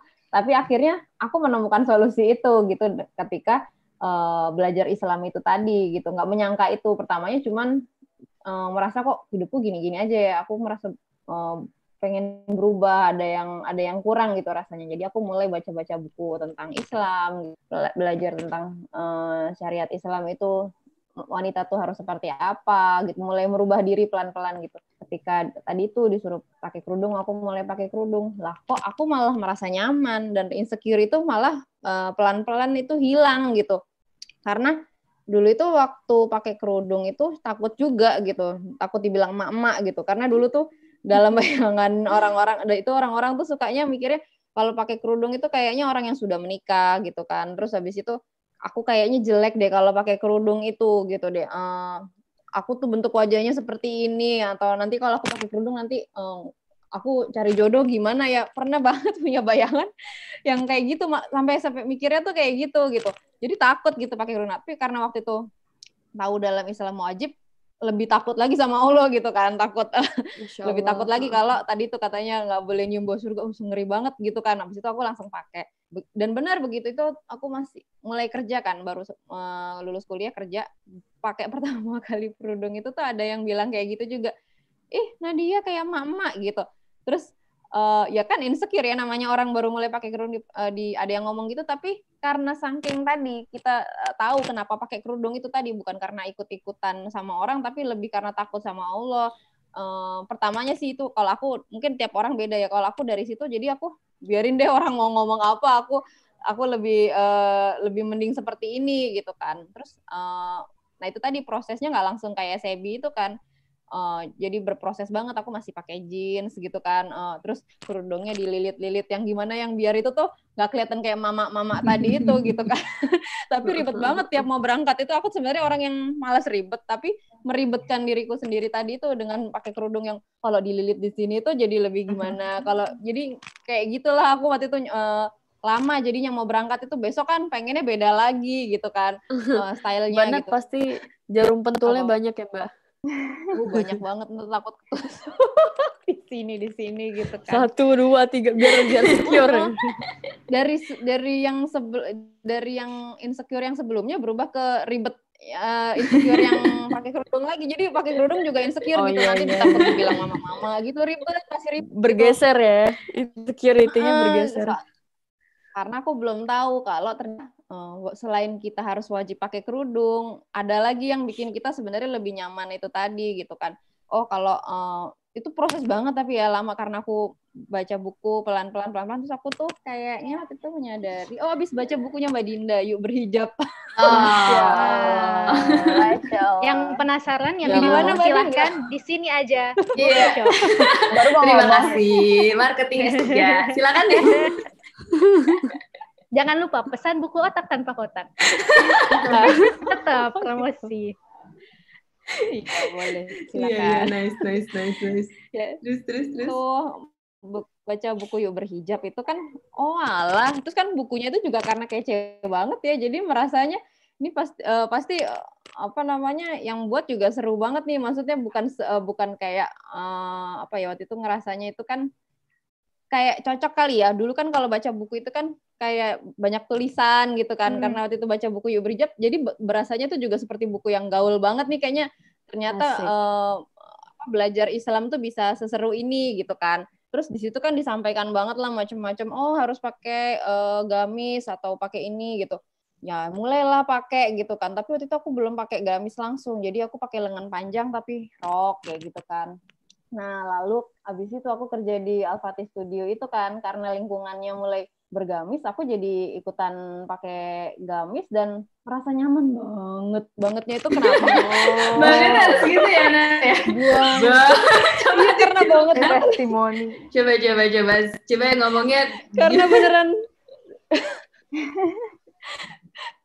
karena bangetnya banget banget sampai kayak gitu ngomongnya gitu karena aku kok baru tahu hal itu sekarang ini ya kenapa nggak dari dulu dulu gitu kan ketika pakai gamis itu aku tuh nggak ribet mix mix and match baju gitu terus antara satu teman satu dengan teman yang lain itu tuh aku nggak insecure gitu loh nggak yang oh dia uh, kita tuh nggak saling kayak fake tadi itu tadi ah. gitu loh ah. sebenarnya mungkin sebelumnya nggak fake ya bukan berarti semuanya hmm. yang lain itu fake cuman kita tuh saling kayak apa ya apa rasanya adanya. tuh kayak nggak ada saling menuduh satu sama lain. Nah, seperti okay, itu. Okay, okay, okay. Seperti tidak yeah. merasa dituduh sama yang lain gitu, seperti Masya diterima Allah. banget gitu kayak malah dibantu gimana maksudnya uh, kita kekurangannya misalnya hijrah tuh ada di mana gitu kan pelan-pelan gitu itu makanya jamaah maksudnya teman gitu kan sahabat taat itu penting banget di proses itu tadi nah lalu udah gitu aku belajar apa namanya belajar dari apa belajar Islam itu lebih dalam di situ menyadari banget kalau Allah itu nggak ngelihat kita dari fisik kita itu tadi gitu kan. Hmm. lo ngapain kalau gitu aku mikirin fisik sampai seribet itu gitu kan. Dari situ aku mulai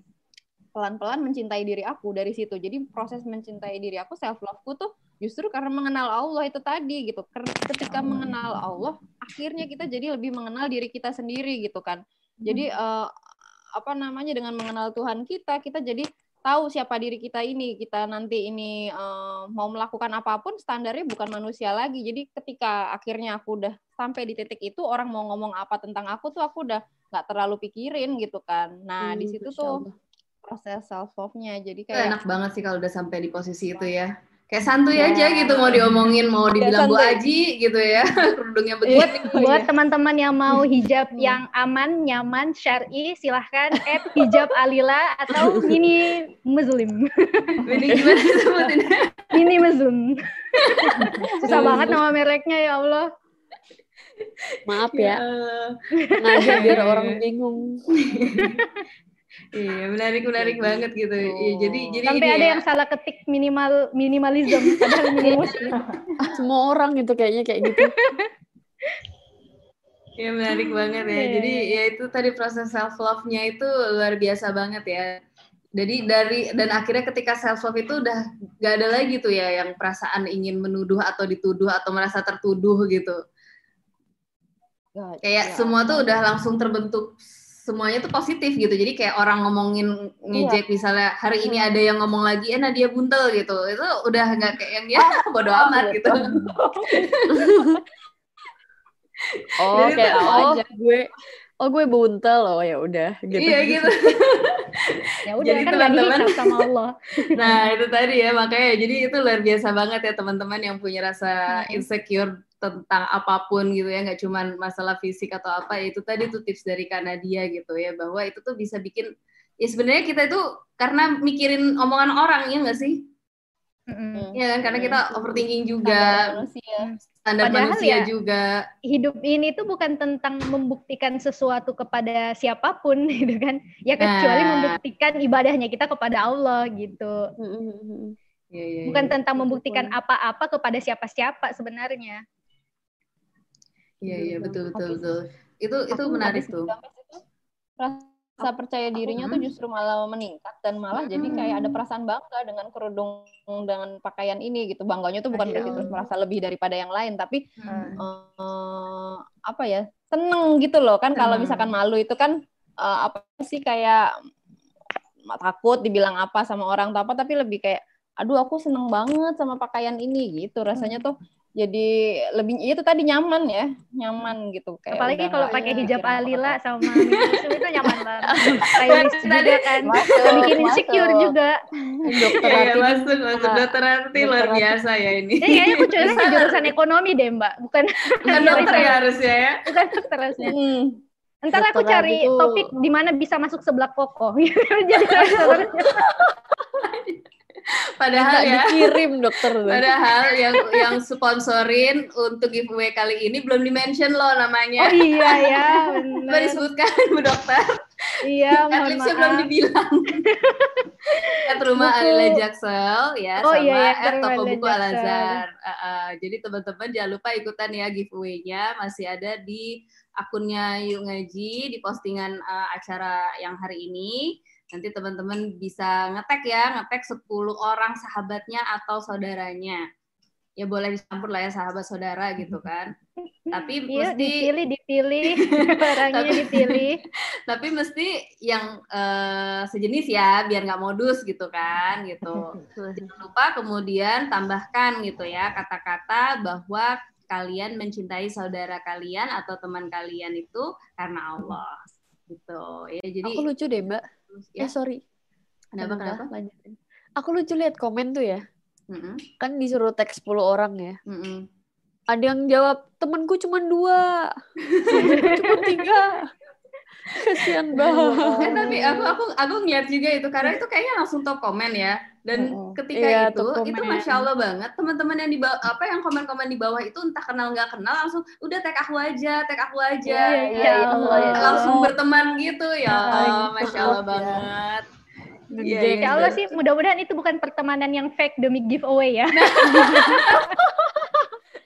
Iya benar gitu. Ya, So- bisa aja kalau- dari situ ternyata benar-benar jadi real jadi friend gitu Karena kan kan. kalau misalnya mau mikir ngapain tag gue orang yang dapat giveaway nanti lu bukan gue kecuali gue dibagi gitu kan. Ah, ah, Ih, tapi bener. iya tapi sebenarnya sunnah tuh mengungkapkan rasa cinta kita kepada Ah. saudarinya kita itu sunnah loh. Iya, Itu kan iya, bahkan iya. orang yang saling mencintai karena Allah, kedudukannya itu nanti di surga dia mendapatkan satu kedudukan cahaya di mana bahkan para syuhada itu cemburu dengan mereka gitu. Masya Jadi nggak apa-apa, bisa aja biasa. di- awalnya gara-gara fake Gara-gara gitu kan, Yukaji gitu ya. giveaway. eh ternyata bisa jadi sahabat sesyurga, masya Allah kan. pertemanan karena giveaway ya. Pertemanan kayak giveaway. Ini jangan-jangan yang nyari teman di sini. Karena setiap ngaji tagnya 10 gitu, makanya nyari temen gitu. Ayo dong, angkut aku jadi Iya, teman gitu. siapa Tadi yang mau yang jadi bikin grup temanku? Yang bikin grup tuh kayaknya buat giveaway ya.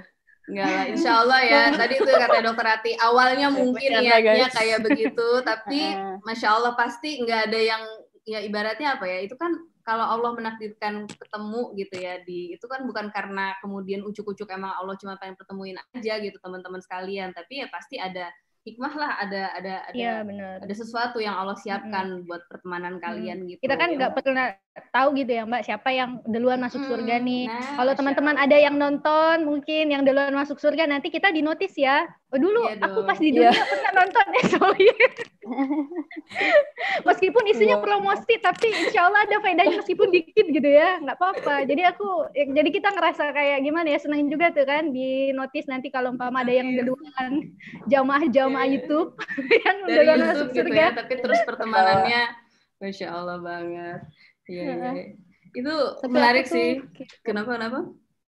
Aku tuh kepo deh. Eh, kan kita dulu mungkin kecuali Kasabel ya. kita tuh dulu Kenapa tuh? apa ya eh, mungkin pakai celana gitu nggak pernah pakai gamis atau pernah fase sebelum pakai gamis tuh pakai rok dulu itu tuh pertama kali eh, pertama kali kalian kita semua teman-teman ngelihat diri kalian pakai gamis tuh gimana sih rasanya aku kepo gitu Kayak apa ya? Aku dulu pakai gimana? kalau kalau aku tuh dulu dulu ngelihatnya karena aku waktu itu ngerasa susah banget ya cari gamis dulu kalau aku ke toko ke offline store tuh gamis zaman dulu masih yang harganya 800-an terus Oh iya, Hampir Masih sejutaan gitu. brandnya. uh, uh, uh. Uh, masih brand-brand uh, high high high end semua ya, High end, high end. ya gitulah. Pokoknya belum ada deh gamis-gamis yang under 300 tuh masih jarang banget. Hmm. Terus aku ngerasa nggak mungkin kan aku beli beli harga segitu cuman untuk daily gitu. Terus juga ya bocah ya mana ada duitnya. Terus uh, habis itu pas aku aku waktu itu nemu gamis, mungkin itu lebih cocok jadi inner sih sebenarnya. Cuman karena aku nggak bisa beli gamis, jadi aku beli itu dan aku Oh, pakai tahu aku. yang yang masih Aku juga- itu loh. Aku juga dulu pakai gamisnya Gamis pertama gamis. inner itu. Iya kan, gamis-gamis yang bahan spandek gitu yang sebenarnya harusnya menjadi inner gitu, jadi mihnah gitu ya. Iya. Cuman dulu karena first timer ya, udah seneng banget dapat kayak gitu. Itu ngeliatnya kayak, ya Allah, akhirnya gue pakai gamis gitu. ya amazing tuh bersyukurnya tuh sampai Iya, iya. sampai berkaca-kaca gitu. Heeh. Walaupun Iya, tapi- pulang-pulang dibilang ya, walaupun pulang-pulang dibilang kayak nenek-nenek sih, tapi ya tetap. Gimana sih happy banget tuh? Pernah nggak nggak merasa ini ya nggak pernah nggak pernah bisa ngejangkau itu terus tiba-tiba punya terus rasanya amazed banget dan Iya, bersyukur. iya. gitu. Kalau aku dulu ya. Aku rasanya Gitu. kadang-kadang selain rasa amazing itu tetap ada ya tapi rasanya tuh kadang pas awal-awal tuh kayak rasanya mau perang gitu ya. Apalagi nih komentar orang nanti. Karena awal-awal misal be- benar-benar hijrah itu di komentar hah kamu kemasukan apa? Kamu pernah mati suri kah? Kenapa sampai berubah total kayak gitu? Jadinya kayak ya Allah ini apalagi komentar orang ini apalagi nih yang akan dihadapi nih. Gitu. Akhirnya kan memang jadi impostor kang nuduh belum belum nuduh duluan gitu meskipun kadang-kadang pas kejadian nggak Overthinking ya. gitu-gitu nggak gitu-gitu amat sih komentar orang gitu ada juga sih yang pedes tapi nggak semuanya. Banyak yang support juga sih sebenarnya. Cuman ya itu tadi eh, kalau udah jadi impostor kang nuduh mah gimana mana gimana mana itu awalnya selalu dengan asumsi gitu loh. Iya benar tuh. Emang emang pertama pakai gamis tuh juga gitu sih ngerasa. Kalau aku tuh malah ya memang bener-bener kayak aku pernah dibikin di postingan itu ya. Dulu aku ngeliat orang yang bergamis itu bener-bener sampai keluar kata-kata pokoknya gue nanti kalau udah jadi emak-emak, gue mau jadi emak yang gaul nggak mau pakai gamis gitu. Sampai pernah kayak begitu gitu. Bahwa karena ngeliatnya apa yang pakai gamis waktu itu nenek-nenek pulang pengajian Iya. gitu. Jadi bukan ya, ya nenek-nenek gitu. nenek-nenek lagi malahan gitu kan. Jadi kayak yang mindsetnya tuh kayak aduh gamis nggak banget nggak banget. Gue harus gaul dong harus celana jeans kalau perlu yang robek-robek. Makanya ya teman-teman pernah lihat di Mantap. buku You Berhijab itu aku pernah emang kerudungan yang scarfnya tuh yang gambar tengkorak-tengkorak gitu. Iya. jadi ya itu tadi mau berusaha untuk segaul itu gitu. Karena ya insecure dengan yang namanya gamis gitu sampai Oke, akhirnya memang pertama kali pakai gamis itu ya gara-gara umroh. Gara-gara umroh. Dan itu ya itu tadi kan ngerasa kayak aduh kenapa harus pakai begini sih? gitu. Waktu itu awalnya pas mau berangkat ya. Karena sebelum berangkat umroh itu teman-teman kalau misalnya udah pernah baca di buku yang berhijab ada tuh aku cerita gitu ya. Jadi memang aku udah nyiapin baju buat umroh. Ya jadi itu tuh bener-bener baru hijrah ya. Jadi nggak ngerti apa-apa. Pokoknya seneng banget udah mau umroh gitu kan jadi nggak tahu kalau pakaian di sana tuh harus kayak gimana ya aku ngepack aja lah ya baju-baju celana jeans aku itu buat dibawa ke Arab Saudi buat dibawa ke Mekah Madinah gitu Oh, kalau ngeliat sekarang tuh kayaknya ya Allah saltu banget bakalan kan. Cuman untungnya aku ikut manasik. akhirnya. Pas manasik itu Ah. alhamdulillah banget gitu ya. Yang apa namanya eh, yang pembimbing pembimbing umrohnya itu langsung ngomong gitu soal pakaian bahwa di sana itu nggak kayak di sini. Di sini tuh maksudnya ngeliatin ke aku gitu. Karena yang lain semuanya ibu-ibu kan, yang biasalah maksudnya. Semua aku yang wah gaul banget itunya yang Eh, sebelah sini shit. gitu Shit. kerudungnya tuh bener-bener yang sangat-sangat dimodif abis kayak gitu gitu jadi kayak pembimbingnya tuh ngomongnya tuh kayaknya maksudnya aku banget gitu dan dari situ pulang-pulang aku bener-bener langsung kayak lemes ya ampun mesti beli dong gamis ya untuk mamaku udah nyiapin gitu jadi kayak mamaku juga tahu gitu wah ini nggak bener nih anaknya mau berangkat umroh tapi bajunya jeans robek-robek celana gitu kan scarf yang tengkorak-tengkorak itu juga kan nggak mungkin gitu ya Ya Allah, ke gitu. Eropa, Bu. Jadi memang awalnya itu terpaksa banget gitu, terpaksa banget pakai gamisnya gara-gara umroh. Tapi ini ternyata tawafnya di mana Mbak di Evo makanya dan, dan akhirnya emang awalnya terpaksa gitu. Jadi kayak ngerasa efek banget sih gue pakai gamis kayak bukan gue banget. Dan ini apaan sih? Dulu kan pakaian yang aku hina-hina ya istilahnya. Cuman ya masya Allah ternyata memang itu sebuah experience ya. Ketika kita dipaksa sembilan hari berpakaian seperti itu, pas balik ke Jakarta ngangenin ternyata. Masya Allah Iya, karena terasa Masya gampangnya gitu. Jadi pas buka Iya. yang diambil, eh kok gamis yang kemarin lagi gitu. Gamis yang umroh ini lagi dipakai dibandingin dengan jeans-jeans yang harus mix and match gitu kan. Soalnya ribet lah udah ambil aja gamis gitu, pakai gamis. Bahkan yang gamis yang sebenarnya harusnya jadi inner gitu ya, tapi aku pakai gitu baju di gamis karena emang belum punya gamis Iya, iya. banyak gitu. Ya itu sih kalau aku ngerasain. Jadi kayak ya dari omongan yang kayak gitu tuh kayak apa sih istilah kualat ya? Iya. iya. Tapi pernah nggak, Mbak? Pernah nggak Mbak pakai kerudung tengkoraknya terus pakai gamis? Aku jadi itu, itu pertanyaan dua, apa ini? pertanyaan itu dua dua ini dua momen yang berbeda itu akhirnya. Oh gitu Jadi ya. Oke setelah oke. mulai bergamis, aku dulu, kerudung tengkoraknya udah nggak dipakai. Terpisah Bukan ya. kalau kalau aku sih dulu Mbak kan memang eh, barang-barang sekolahanku tuh zaman-zaman yang fase transisi ke hijrah itu kan rata-rata kayak gitu ya tengkorak-tengkorak zaman itu. Jadi tasku tuh tengkorak, terus helmku juga itu tengkorak. Eh gaul loh dulu terus tengkorak. Gaul banget loh itu dulu. Gaul. motorku juga itu motor Iya, yang bener-bener. dipiloks merah, merah marlon, terus stikernya di mana-mana, kayak gitu kan yang stiker stiker yang api-api kayak gitu ya Mbak. Nah terus pas hijrah itu bayangin ya penampilan udah pas kerudung kerudung yang besar gitu kan, terus pakai gamis-gamis ke sekolah, tapi pakai helmnya tengkorak dan eh, apa namanya tasnya itu tengkorak, jadi kayak gitu dulu style awal-awal gitu kan. kayak aneh banget pasti. Agak-agak perpindahan stage gitu ya. Iya. Iya iya iya. Lucu juga sih. menarik, menarik. Mau tapi BTW nggak bisa juga. Heeh sih ya. BTW aku juga aku jadi keinget sih dulu sebelum fase aku amazed pakai gamis itu, aku pertama beli rok dulu karena rok murah kan. Nah pas aku pakai rok tuh juga ada rasa mengumpat dalam diri, kok gua gini sih, gila kayak kalau dulu kan pikirannya gini ya dulu ya, pikirannya tuh anak pesantren tuh nggak ini, nggak gaul kalau dulu. Cuman kalau sekarang sih amazed banget sih sama anak Amazed pesantren. banget, justru Cuman dulu- pengen banget ya pesantrenan ya kayak Kasabel. Bener banget.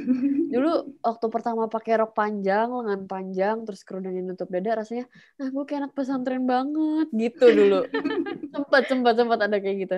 Sempat insecure waktu eh, waktu itu aku coba di toilet toilet eh, toilet sekolah, toilet SMA. Pas keluar tuh takut gitu, malu gitu. Aduh, aduh gue pakai rok gitu. cuman eh, cuman setelah itu ngerasain enaknya, terus ternyata punya gamis, eh ter- ternyata bisa beli gamis itu seneng banget sih ternyata aku baru ingat aku ada fase jijik-jijik juga gitu ke diriku sendiri ya dengan pakaian seperti itu. Jadi ada ada pengumpatan ke diri sendiri lah. Tapi akhirnya alhamdulillah nyaman banget sekarang. Ada yang bilang nih, bagus tengkorak itu mengingatkan mati. Dulu nggak gitu. Dulu nggak gitu. tengkorak itu keren gitu. Bukan Sesuatu ingat mati. nggak ingetin mati gitu. Justru ngingetin yang dosa-dosa, yang dosa-dosa tuh keren gitu. Itu kan dulu mindset ya. Jadi mindset itu benar. emang salah banget gitu. Kalau sekarang ya mungkin iya ya, inget tengkorak. inget Artinya kan mati. kita insecure dengan ketaatan, malah itu Nah, dengan kemaksiatan. Nah, eh, akhirnya beda fase ketika ada bentuk perpindahan pemahaman nih ya. Eh, akhirnya kita pun bisa menempatkan apa yang memang kita harusnya cintai dengan apa yang harusnya memang kita benci gitu kan lewat itu Hmm. salah satunya adalah lewat ngaji tadi. Nah, ini menarik nih bicara soal cinta-cinta. Tadi kita sedikit ngebahas tentang self love ya. Kalau Kak Sabel gimana nih? Soalnya kayak Kak Sabel ini memang yang sudah meng, apa namanya? Ya itu tadi yang dari kecil itu sudah berhasil gitu menanamkan self love gitu yang benar gitu sehingga nggak menclok-menclok gitu, nggak yang pencari, pencarian jati diri yang pakai topeng lah, yang fake lah, yang segala macam. Gimana tuh Kak Sabel? Ya, jadi eh, ini sih Mbak, aku ngerasanya tadi ya memang kalau dari cerita Diana juga ya, kayak kita berusaha menerima diri kita, kemudian berusaha untuk memahami tadi itu ya, kemudian membaca gimana sih syariat itu sebenarnya ngatur kita atau menetapkan aturan sama kita, akhirnya dari situ kita jadi punya, nah tadi ya mungkin pemahaman gitu ya soal, oh ya memang hidup tuh harus seperti apa, oh memang kita harus menjalani hidup tuh begini dan begitu, dan itu ngerasanya kayak yang eh, kita tidak lagi butuh pengakuan orang lain. Atau kalau tadi kata dokter Ati kita sedang tidak perlu untuk membuktikan apa-apa kepada siapa-siapa selain memang hanya berfokus untuk membuktikan amalan kita di hadapan Allah. Kan gitu. Jadi eh, pada masa-masa itu gitu ya maksudnya kalau eh, kilas balik lagi gitu ya eh, mungkin tadi teman-teman juga akhirnya pada bingung gitu ya. Kita cerita-cerita flashback itu sebenarnya ini bukan bukan dalam rangka mungkin kita buka-bukaan aib tidak. Kita sedang kayak berbagi pengalaman berbagi pelajaran juga gimana akhirnya bisa sampai di titik yang sekarang ini gitu ya. Nah jadi eh, jujur sebenarnya aku tadi ya kalau berangkat dari eh, anak pindahan gitu ya background anak pindahan dulu pendiam banget gitu ya. Super kayak udah makuper gitu ya pendiam overthinking dan lain sebagainya. Tadi itu karena benar-benar ada di fase di mana kita tuh kayak buat ketemu orang baru tadi itu kayak pada saat itu gitu ya kayak tadi males atau apa ya agak takut dan lain sebagainya lah tadi itu. Sampai akhirnya eh, apa namanya kita berusaha untuk mengenali lagi diri kita. Kemudian ya eh, tadi banyak hal yang dibenahi tadi itu ya sehingga eh, kita bisa lebih yakin tadi sama diri kita sama potensi diri kita dan lebih mengerti kayak oh memang Allah menciptakan kita seperti ini gitu ya. Meskipun tadi ada kekurangan-kekurangan juga yang saat itu kita tuh ngerasa kayak minder kayak gitu ya. Tapi uh, akhirnya dengan penerimaan tadi itu terus uh, kita coba memahami uh, apa ya uh, visi tadi itu hidup seperti apa. Meskipun itu nggak nggak mulus juga gitu tracknya adalah pasti saat-saat di mana kadang kita ngerasa kayak kok gini banget gitu kayaknya aneh dan lain sebagainya tadi itu. Tapi masya Allah ya itu salah satu nikmat gitu ya. Maksudnya ada mungkin orang tua yang berusaha untuk ibaratnya kayak kita udah mau belok nih kemudian diingatkan lagi. Kayak kakak tuh harus gimana kakak tuh harus gini dan lain sebagainya gitu. Akhirnya ya nah itu jadi satu titik balik yang sampai saat ini tuh uh, apa ya membekas gitu lah. Jadi kalau uh, terutama waktu itu dari dari Abi gitu ya kan hmm. beliau itu sering-sering banget kalau kayak ngingetin gitu. Karena memang kayak kalau bahasa kita tuh mungkin deep talk gitu kali ya. Kalau misalnya pas lagi supir di apa disupirin disupirin ke mana-mana gitu misalnya. Itu pasti momen di mana kita tuh punya apa kayak momen deep talk tadi itu. Nah dari situ kemudian aku lebih banyak mengambil pesan-pesan tadi itu.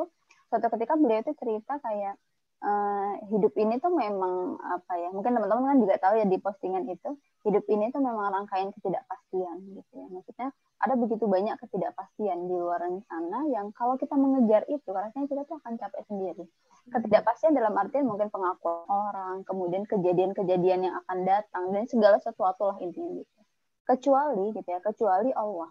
Nah, karena Allah satu-satunya zat yang pasti gitu ya. Maksudnya ketika kita bergantung sama Allah tadi itu, kita serahkanlah semuanya sama Allah tadi itu, itu akhirnya jadi kita tuh punya ketenangan tersendiri. Nah makanya tadi juga uh, kalau berkenaan dengan uh, apa ya fase tadi ya teman-teman cerita hijrahnya masya Allah gitu ya uh, ketika kita memutuskan untuk hijrah, kita memutuskan ter terikat sama syariat, itu sebenarnya kita sedang ingin juga apa ya, istilahnya memberikan ketenangan pada diri kita juga, gitu ya, karena kita sedang menjalankan sesuatu yang itu sebenarnya sesuai dengan fitrah kita, fitrah penciptaan kita. Makanya tadi kan rasanya kalau pas sudah taat tuh kayak oh klop banget, oh tenang banget, oh rasanya kayak begini ya, ademnya dan lain sebagainya, karena memang itu jalannya. Nah, jadi ketaatan kita kepada syariat itu kan sebenarnya juga menentramkan jiwa, dikatakan gitu sesuai sama apa namanya uh, sesuai sama fitrah kita lah ibaratnya tadi makanya itu yang akhirnya membuat pas kita udah tahu gitu ya kuncinya gitu ya akhirnya ya udah gimana caranya pokoknya berusaha untuk uh, apa ya selalu ya uh, menjaga tadi ketaatan tadi itu. Kalau misalnya pas mau belok-belok dikit atau ada yang berusaha membelokkan uh, selalu apa ya nginget lagi tadi itu gimana prosesnya terus gimana caranya karena sebenarnya kan ketenangan atau keselamatan dalam hidup itu kan kita juga yang membutuhkan gitu ya. Bukan orang lain bukan orang tua kita misalnya tapi kan kita sendiri. Yang kita mau memilih seperti apa itu kan kita sendiri nanti makanya selalu nginget-nginget itu akhirnya ya uh, masya Allah gitu ya bisa sampai sekarang kayak gitu Luar biasa. Ya Allah, Masya Allah, Kak Sabe. Seandainya kita dulu temenan ya, kayaknya kita kalau ngegengan aku jadi anak baik-baik langsung. Nggak pernah pakai kerudung tengkorak-tengkorak. Tapi insya Allah ada kita bertemu nanya, di waktu yang tepat. Ya. Kenapa? Ya, ada yang nanya loh, gimana sih ceritanya kok bisa ketemu nih enam icon? Enam orang. Gitu deh. Karena kayaknya kita, kita mencari tinggi badan yang sama. nah, itu dia seleksi sebenarnya itu seleksi alam sebenarnya ya. Oh, Jadi kita dipertemukan dengan tinggi yang itu tadi kan Dena dari awal doanya itu ya Allah semoga aku tingginya 170 cm gitu kan. Sama Allah ternyata dikabulkannya justru dipertemukan sama orang-orang yang tingginya rasa gitu. Jadi lupa gitu. Jadi aman, nggak perlu saya sikir lagi kan. Kalau doanya emang nggak bakalan mungkin terkabul gitu. Tapi iya, Allah tahu apa yang ada di iya. hati kita. Insecure iya, kita alamin ngomong-ngomong soal tinggi badan ya mbak hmm. ngomong-ngomong soal tinggi badan ya itu makanya zaman-zaman dulu bentuk self defense hmm. mekanismeku itu kan ya hmm. sama kayak mbak Nadia tadi ya buat membuat menutupi kekurangan dan insekuritas hmm. itu dengan hmm. join ke hampir semua uh, ekskul waktu zaman sekolah kecuali oh, braka iya, iya. kecuali paski braka dan karena paski braka karena ya jelas. Uh, tidak mungkin. Tidak mungkin bisa lolos gitu kan. Paling barisan paling belakang yang ngapain kalau juga dapatnya barisan paling belakang gitu kan nggak lolos seleksi. Nah anak rohis ya jelas itu tempatnya ukti-ukti. Uh, zaman dulu kan belum ya. Oh, belum. Ya gitu ya zaman dulu belum. Nah jadi akhirnya bentuk itu tadi memburu yang namanya eksistensi diri mbak. Hmm. jadi uh, ikut olimpiade ikut kemudian yang seni ikut teater, yang olahragaan itu ikut basket, pokoknya di mana-mana dia aktif, aktif banget gitu ya. Uh, tadi untuk mencari yang namanya eksistensi diri. Tapi ujung-ujungnya kok aku ngerasa kayak gimana ya Mbak? Ya nggak dapat apa yang tadi Mbak Sabel sampaikan, nggak uh, dapat yang namanya ketenangan, malah yang aku dapat itu kekosongan. Kok kayak apa ya? Uh, aku udah cari yang namanya eksistensi diri, aku udah dapet, udah jadi anak hits, udah jadi anak yang meskipun nggak paling ngehits juga ya, masih banyak yang lebih ngehits. Tapi kalau misalkan kemudian bicara tentang pencapaian, ya aku pikir ini kan yang ini yang selama ini aku inginkan.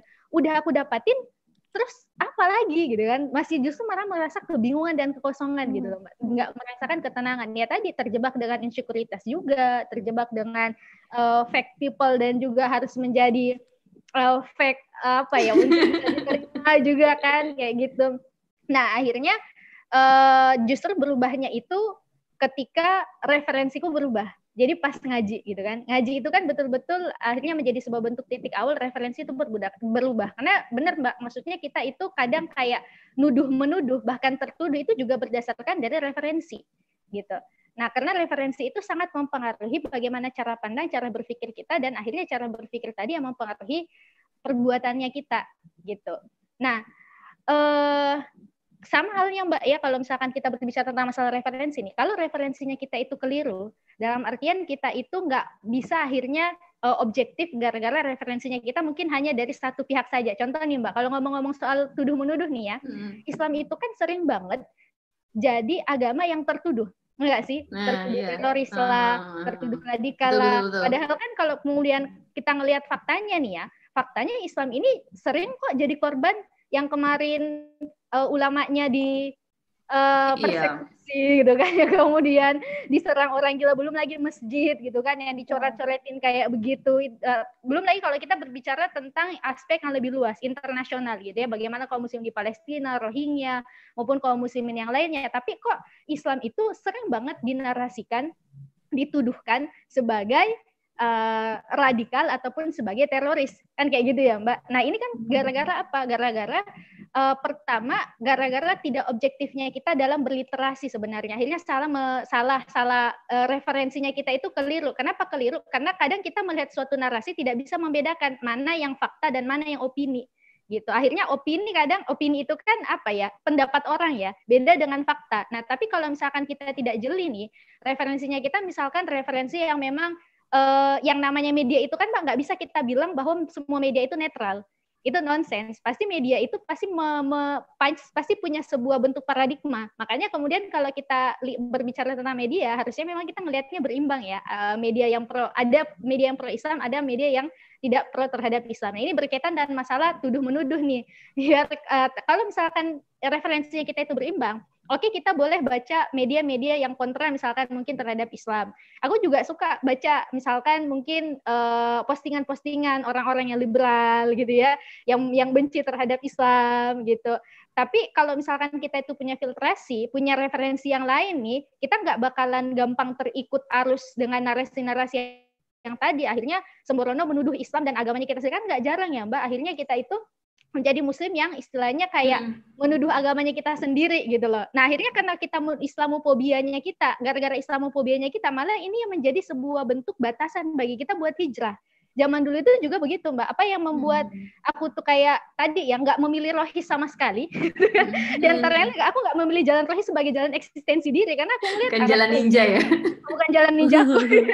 anak rohis itu kayak nggak nggak keren, nggak cool, nggak eksis gitu kan? Karena emang yang aku cari yang kayak gitu tadi bentuk materi, bentuk duniawi gitu. Nah tapi ternyata setelah kemudian mengalami sebuah bentuk proses, saya nggak nggak mungkin jelaskan prosesnya, tapi intinya akhirnya ada sebuah bentuk titik di mana aku ngerasa tertarik gitu ya, aku ngerasa kayak kok kayaknya jauh banget dari Allah, aku sudah nge ngerasain ini ini semua, mencapai eksistensi yang aku inginkan, tapi kok nggak nggak dapet rasa feelnya itu kayak kurang hmm. gitu, nggak dapet. Hmm, gitu. Nah akhirnya pas kemudian uh, mencoba untuk merubah referensi dengan ikut ngaji. Padahal kan awalnya itu ya Mbak, uh, aku juga nggak suka dengan aktivitas ngaji karena khawatir gitu, karena menuduh seuzon duluan.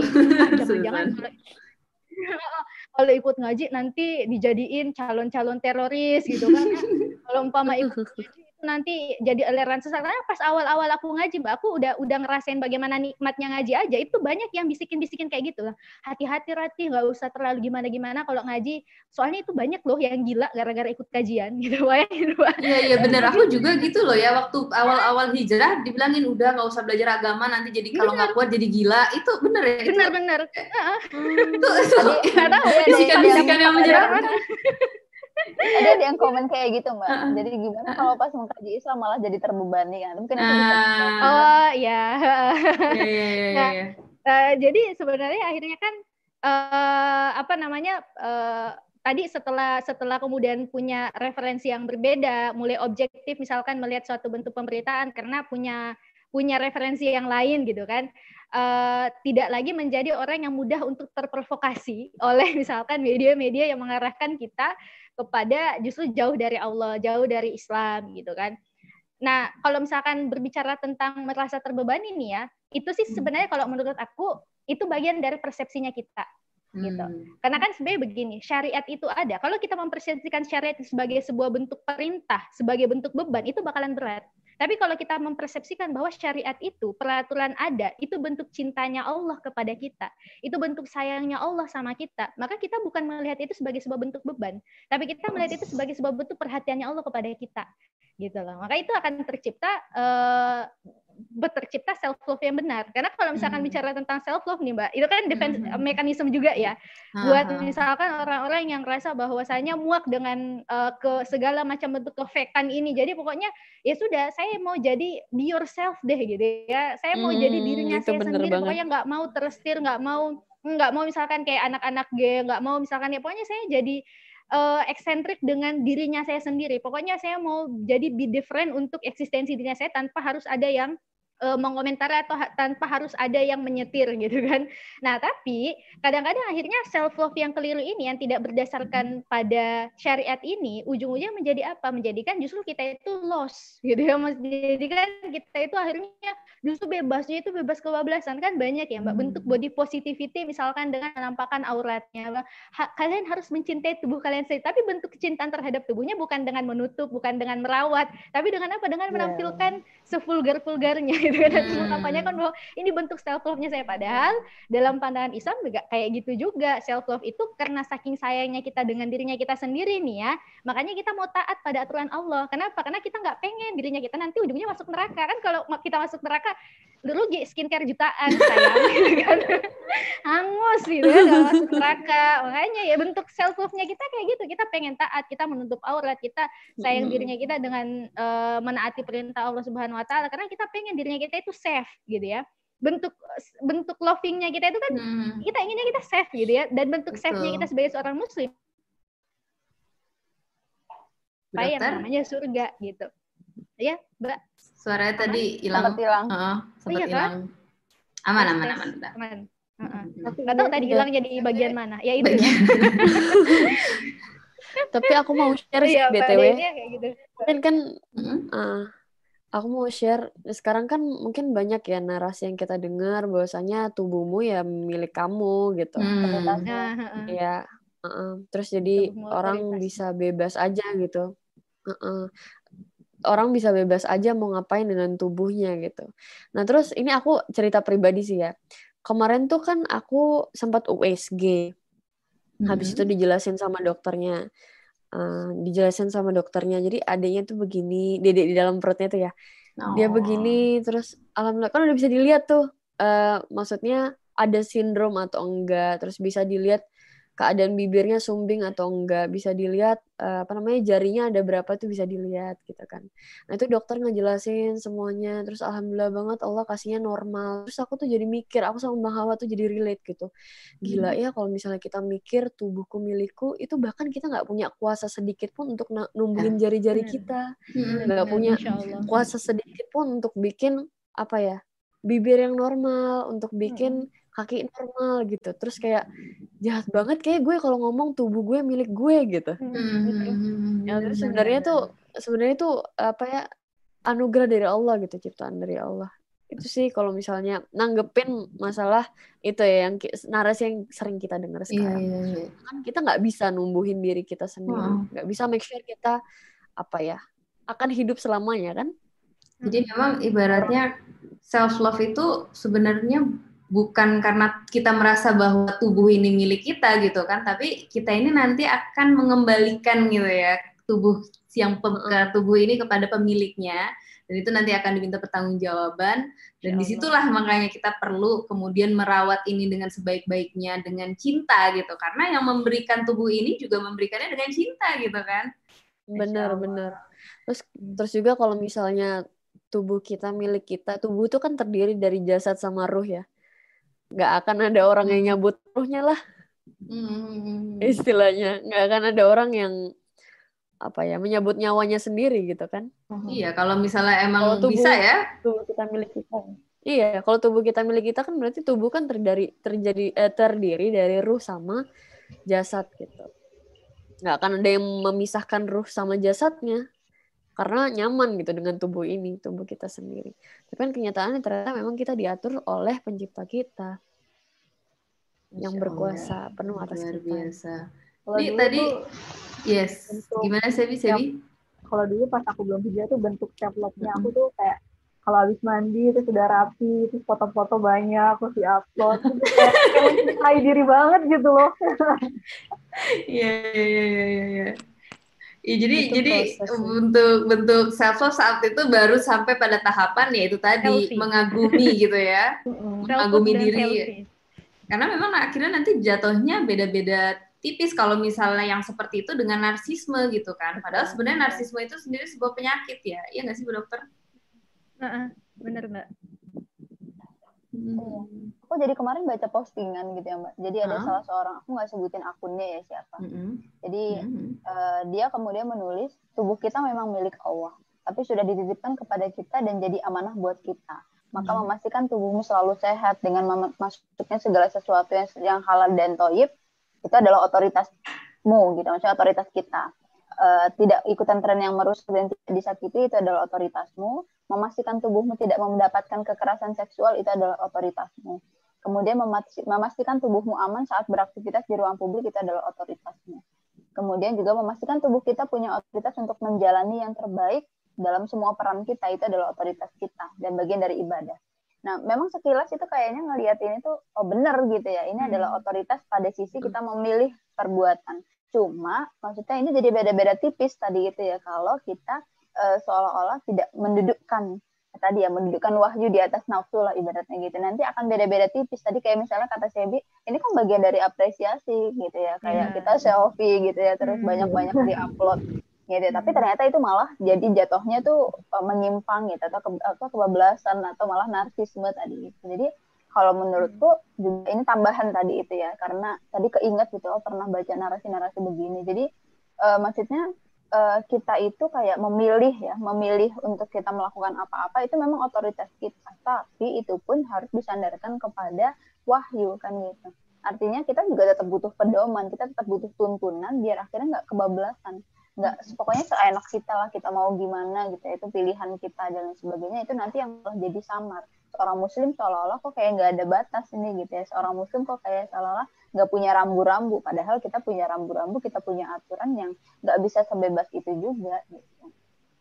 Iya, iya benar-benar banget. Aku tuh jadi ingat deh, Nadia kayaknya pernah cerita ya dulu ya Nat, yang soal bagaimana em, seseorang yang eh, apa sih personal trainer atau apa gitu, yang dia memang hidup di di apa namanya di dunia yang nge-gym. Eh, Nadia kan memang aktif berolahraga dan makanan sehat ya, jadi sering ngikutin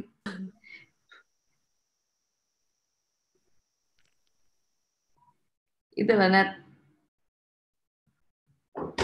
Badan dia Eh? belum belum connect. Oh, belum connect ya? belum connect ya Belum connect ya, ya, ya. Iya, waktu itu kayaknya Nadia pernah cerita gitu tentang bagaimana dunia apa ya, em, sih per gym, gym fitness ya, fitness gitu.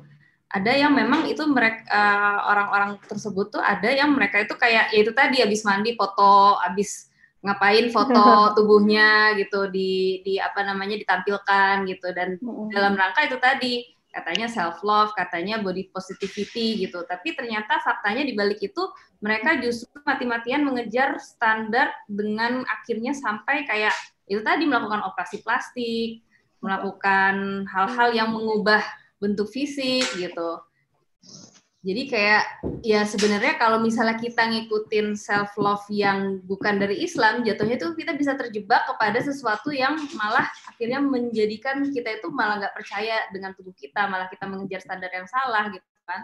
Tapi kalau misalnya kita um, itu tadi ya saran dari Kak Sabel sama uh, dokter dokter Rati gitu bahwa ya itu tadi mendudukan self love yang benar itu itu justru meng, uh, meng, apa membuat kita akhirnya menjadi lebih tenang.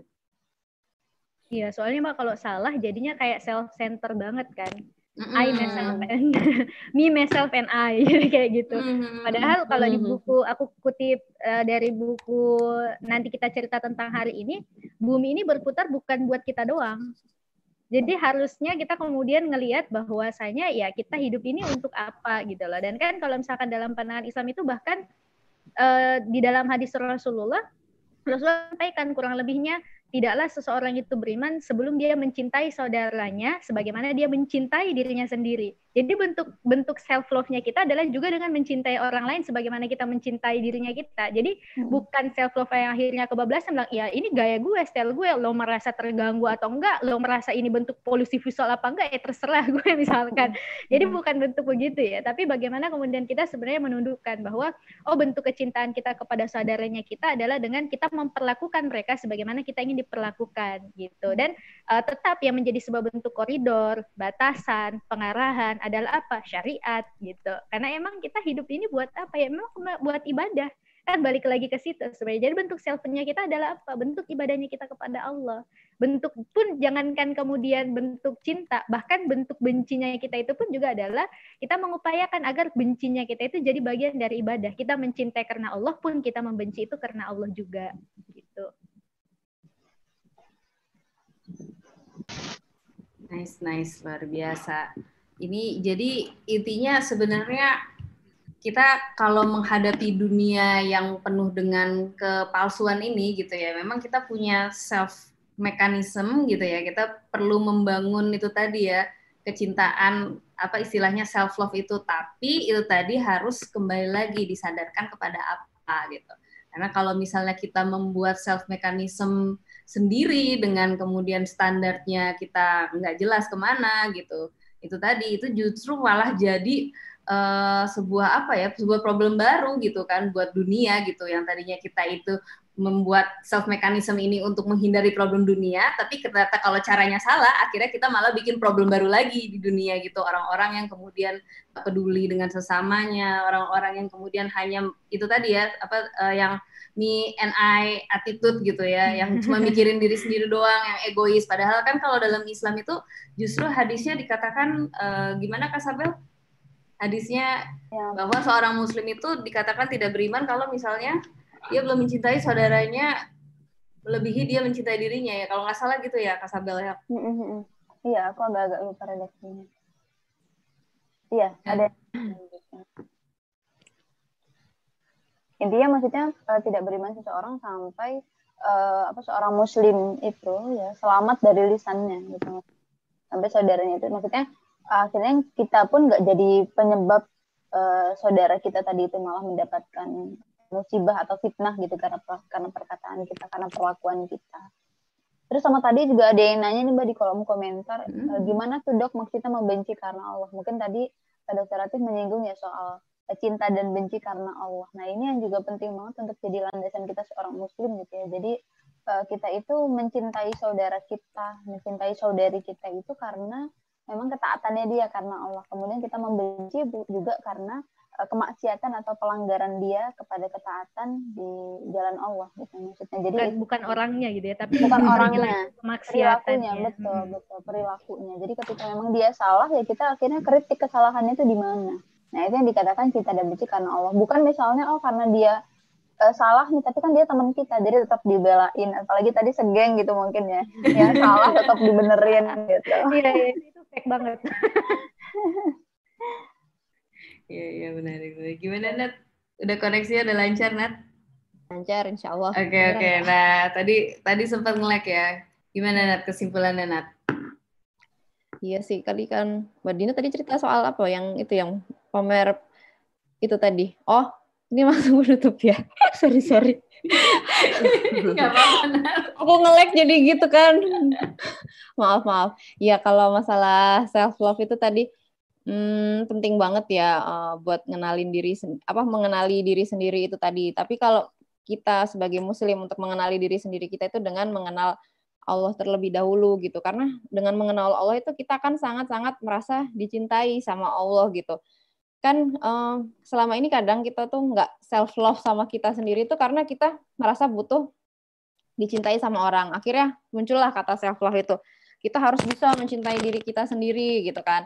Tapi sebenarnya sebagai muslim itu kita tuh sudah sangat dicintai sama Allah sama uh, apa Nabi Muhammad itu kan saking cintanya sama kita gitu kan. Uh, sampai berdakwah sampai Islam itu uh, cahaya Islam cahaya hidayah itu sampai ke kita gitu kan.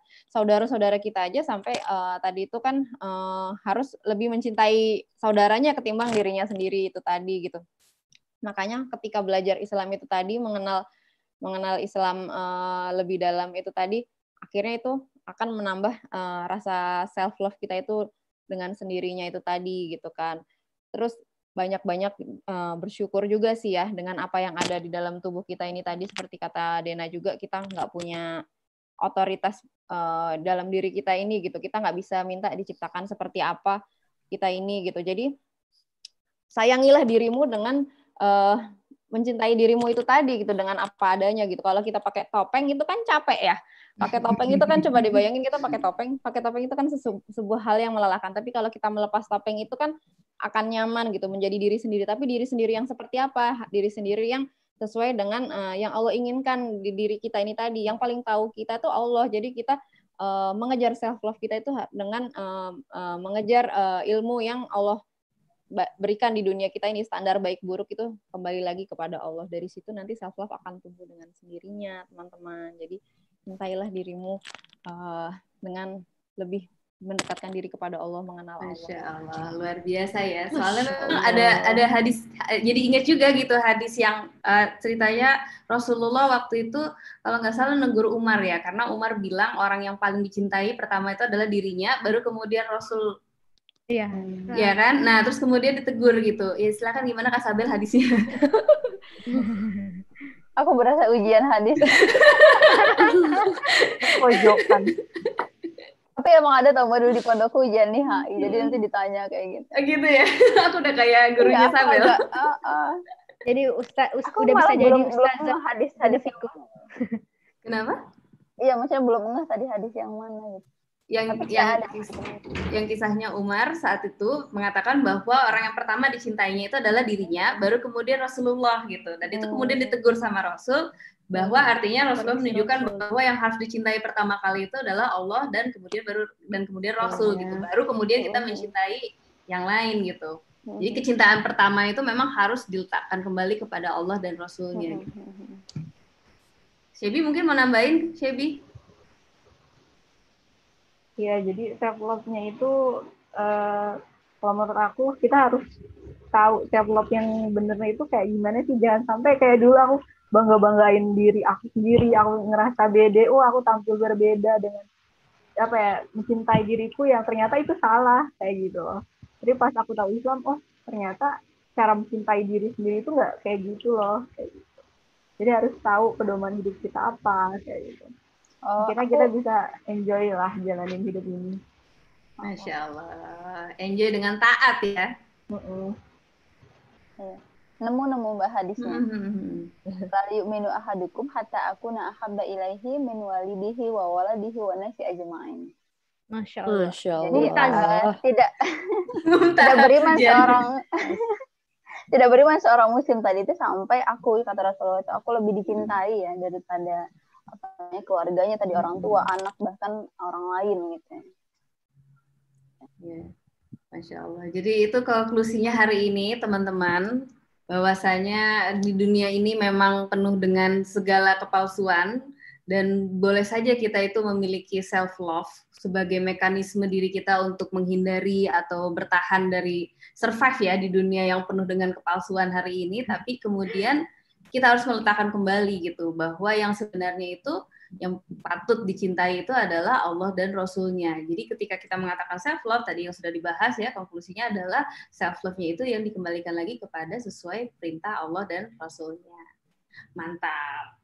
Baiklah teman-teman, terima kasih semuanya yang sudah hadir hari ini, yang masih bertahan dari awal ya sampai hari ini, sampai jam segini gitu ya.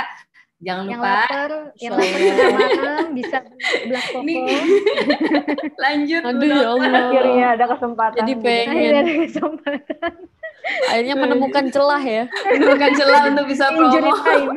injury time ya masya Allah jangan lupa ya diikutin uh, giveaway-nya masih ada masih masih ditunggu pemenangnya masih akan kita umumin hari Ahad jangan lupa ya giveaway-nya hari ini disponsori dari Rumah Alila Jaksel dan toko buku Al Azhar. Jadi ada tiga orang pemenang nanti masing-masing Hmm. akan dapat himar sama dapat buku. Bukunya apa Kak Sabel? Eh, ulumul Quran. Ulumul Aku jadi lupa. Quran. Habis Bawa ujian ujian. ya jangan lupa ya teman-teman. Makasih banyak semuanya dan insya Allah nanti kita ketemu lagi di eh, pekan ketiga ya, pekan ketiga bulan ini tanggal berapa tuh? Di acara Deep Talk. Nah, sekalian ngingetin Oh, teman-teman iya. juga yang mungkin punya cita-cita, mau sharing, mau curhat. Nah, itu masih dibuka tuh di Hmm. email email Soy. Ya, jadi alamatnya ke email eh apa sih? Kok aku lupa ya? Inbox, inbox, Udah malu sih soalnya ya. Inbox.soy inbox.soy. gmail.com. at gmail.com silakan teman-teman mau mencurhati masalahnya apa pun insya Allah nanti pekan ketiga Tanggal 17. tanggal 17 ya tanggal 17 ketemu lagi dengan sister of yours kali ini siapa nih yang akan tampil untuk membawakan di top tungguin aja ya Tunggu aja. tunggu aja kalau kemarin kan kak De- eh, apa Dena sama Kak Sabel ya nah nanti tungguin aja nih pekan ketiga jangan lupa kalau begitu Betul. Eh, jangan lupa Ya, komen-komen dari ya. komen-komen. Heeh, dari komen-komen sini kayaknya bisa tuh curhat tentang hijrah gitu-gitu ya. Mm, mm, mm. Banyak tuh yang relate tadi ya, teman-teman. sama Saya ketik aja ke inbox. di inbox bisa. Sama jangan lupa komen juga sih di sini ya di nanti setelah uh, live chatnya habis, setelah live-nya habis di komen yang YouTube-nya ya, di komen video postingannya ini tema-tema apa lagi sih yang mau dibahas sama Soy gitu di Oke. acara Ladies Night-nya. Teman-teman pengennya diobrolin apa aja gitu. Silakan di komen-komen ya. Oke lah kalau begitu sudah jam berapa ini? 10 lewat 7 Tujuh. kita pamit dulu undur diri terima kasih semuanya Terima kasih semua. khair. sampai ketemu Jazakallah lagi mohon maaf lahir batin. Maaf-maaf ya. Maaf, semua. maaf. Assalamualaikum Kalau ada salah warahmatullahi kata. Waalaikumsalam. dah warahmatullahi wabarakatuh. Jeng jeng. Belum ya, masih on. jeng jeng.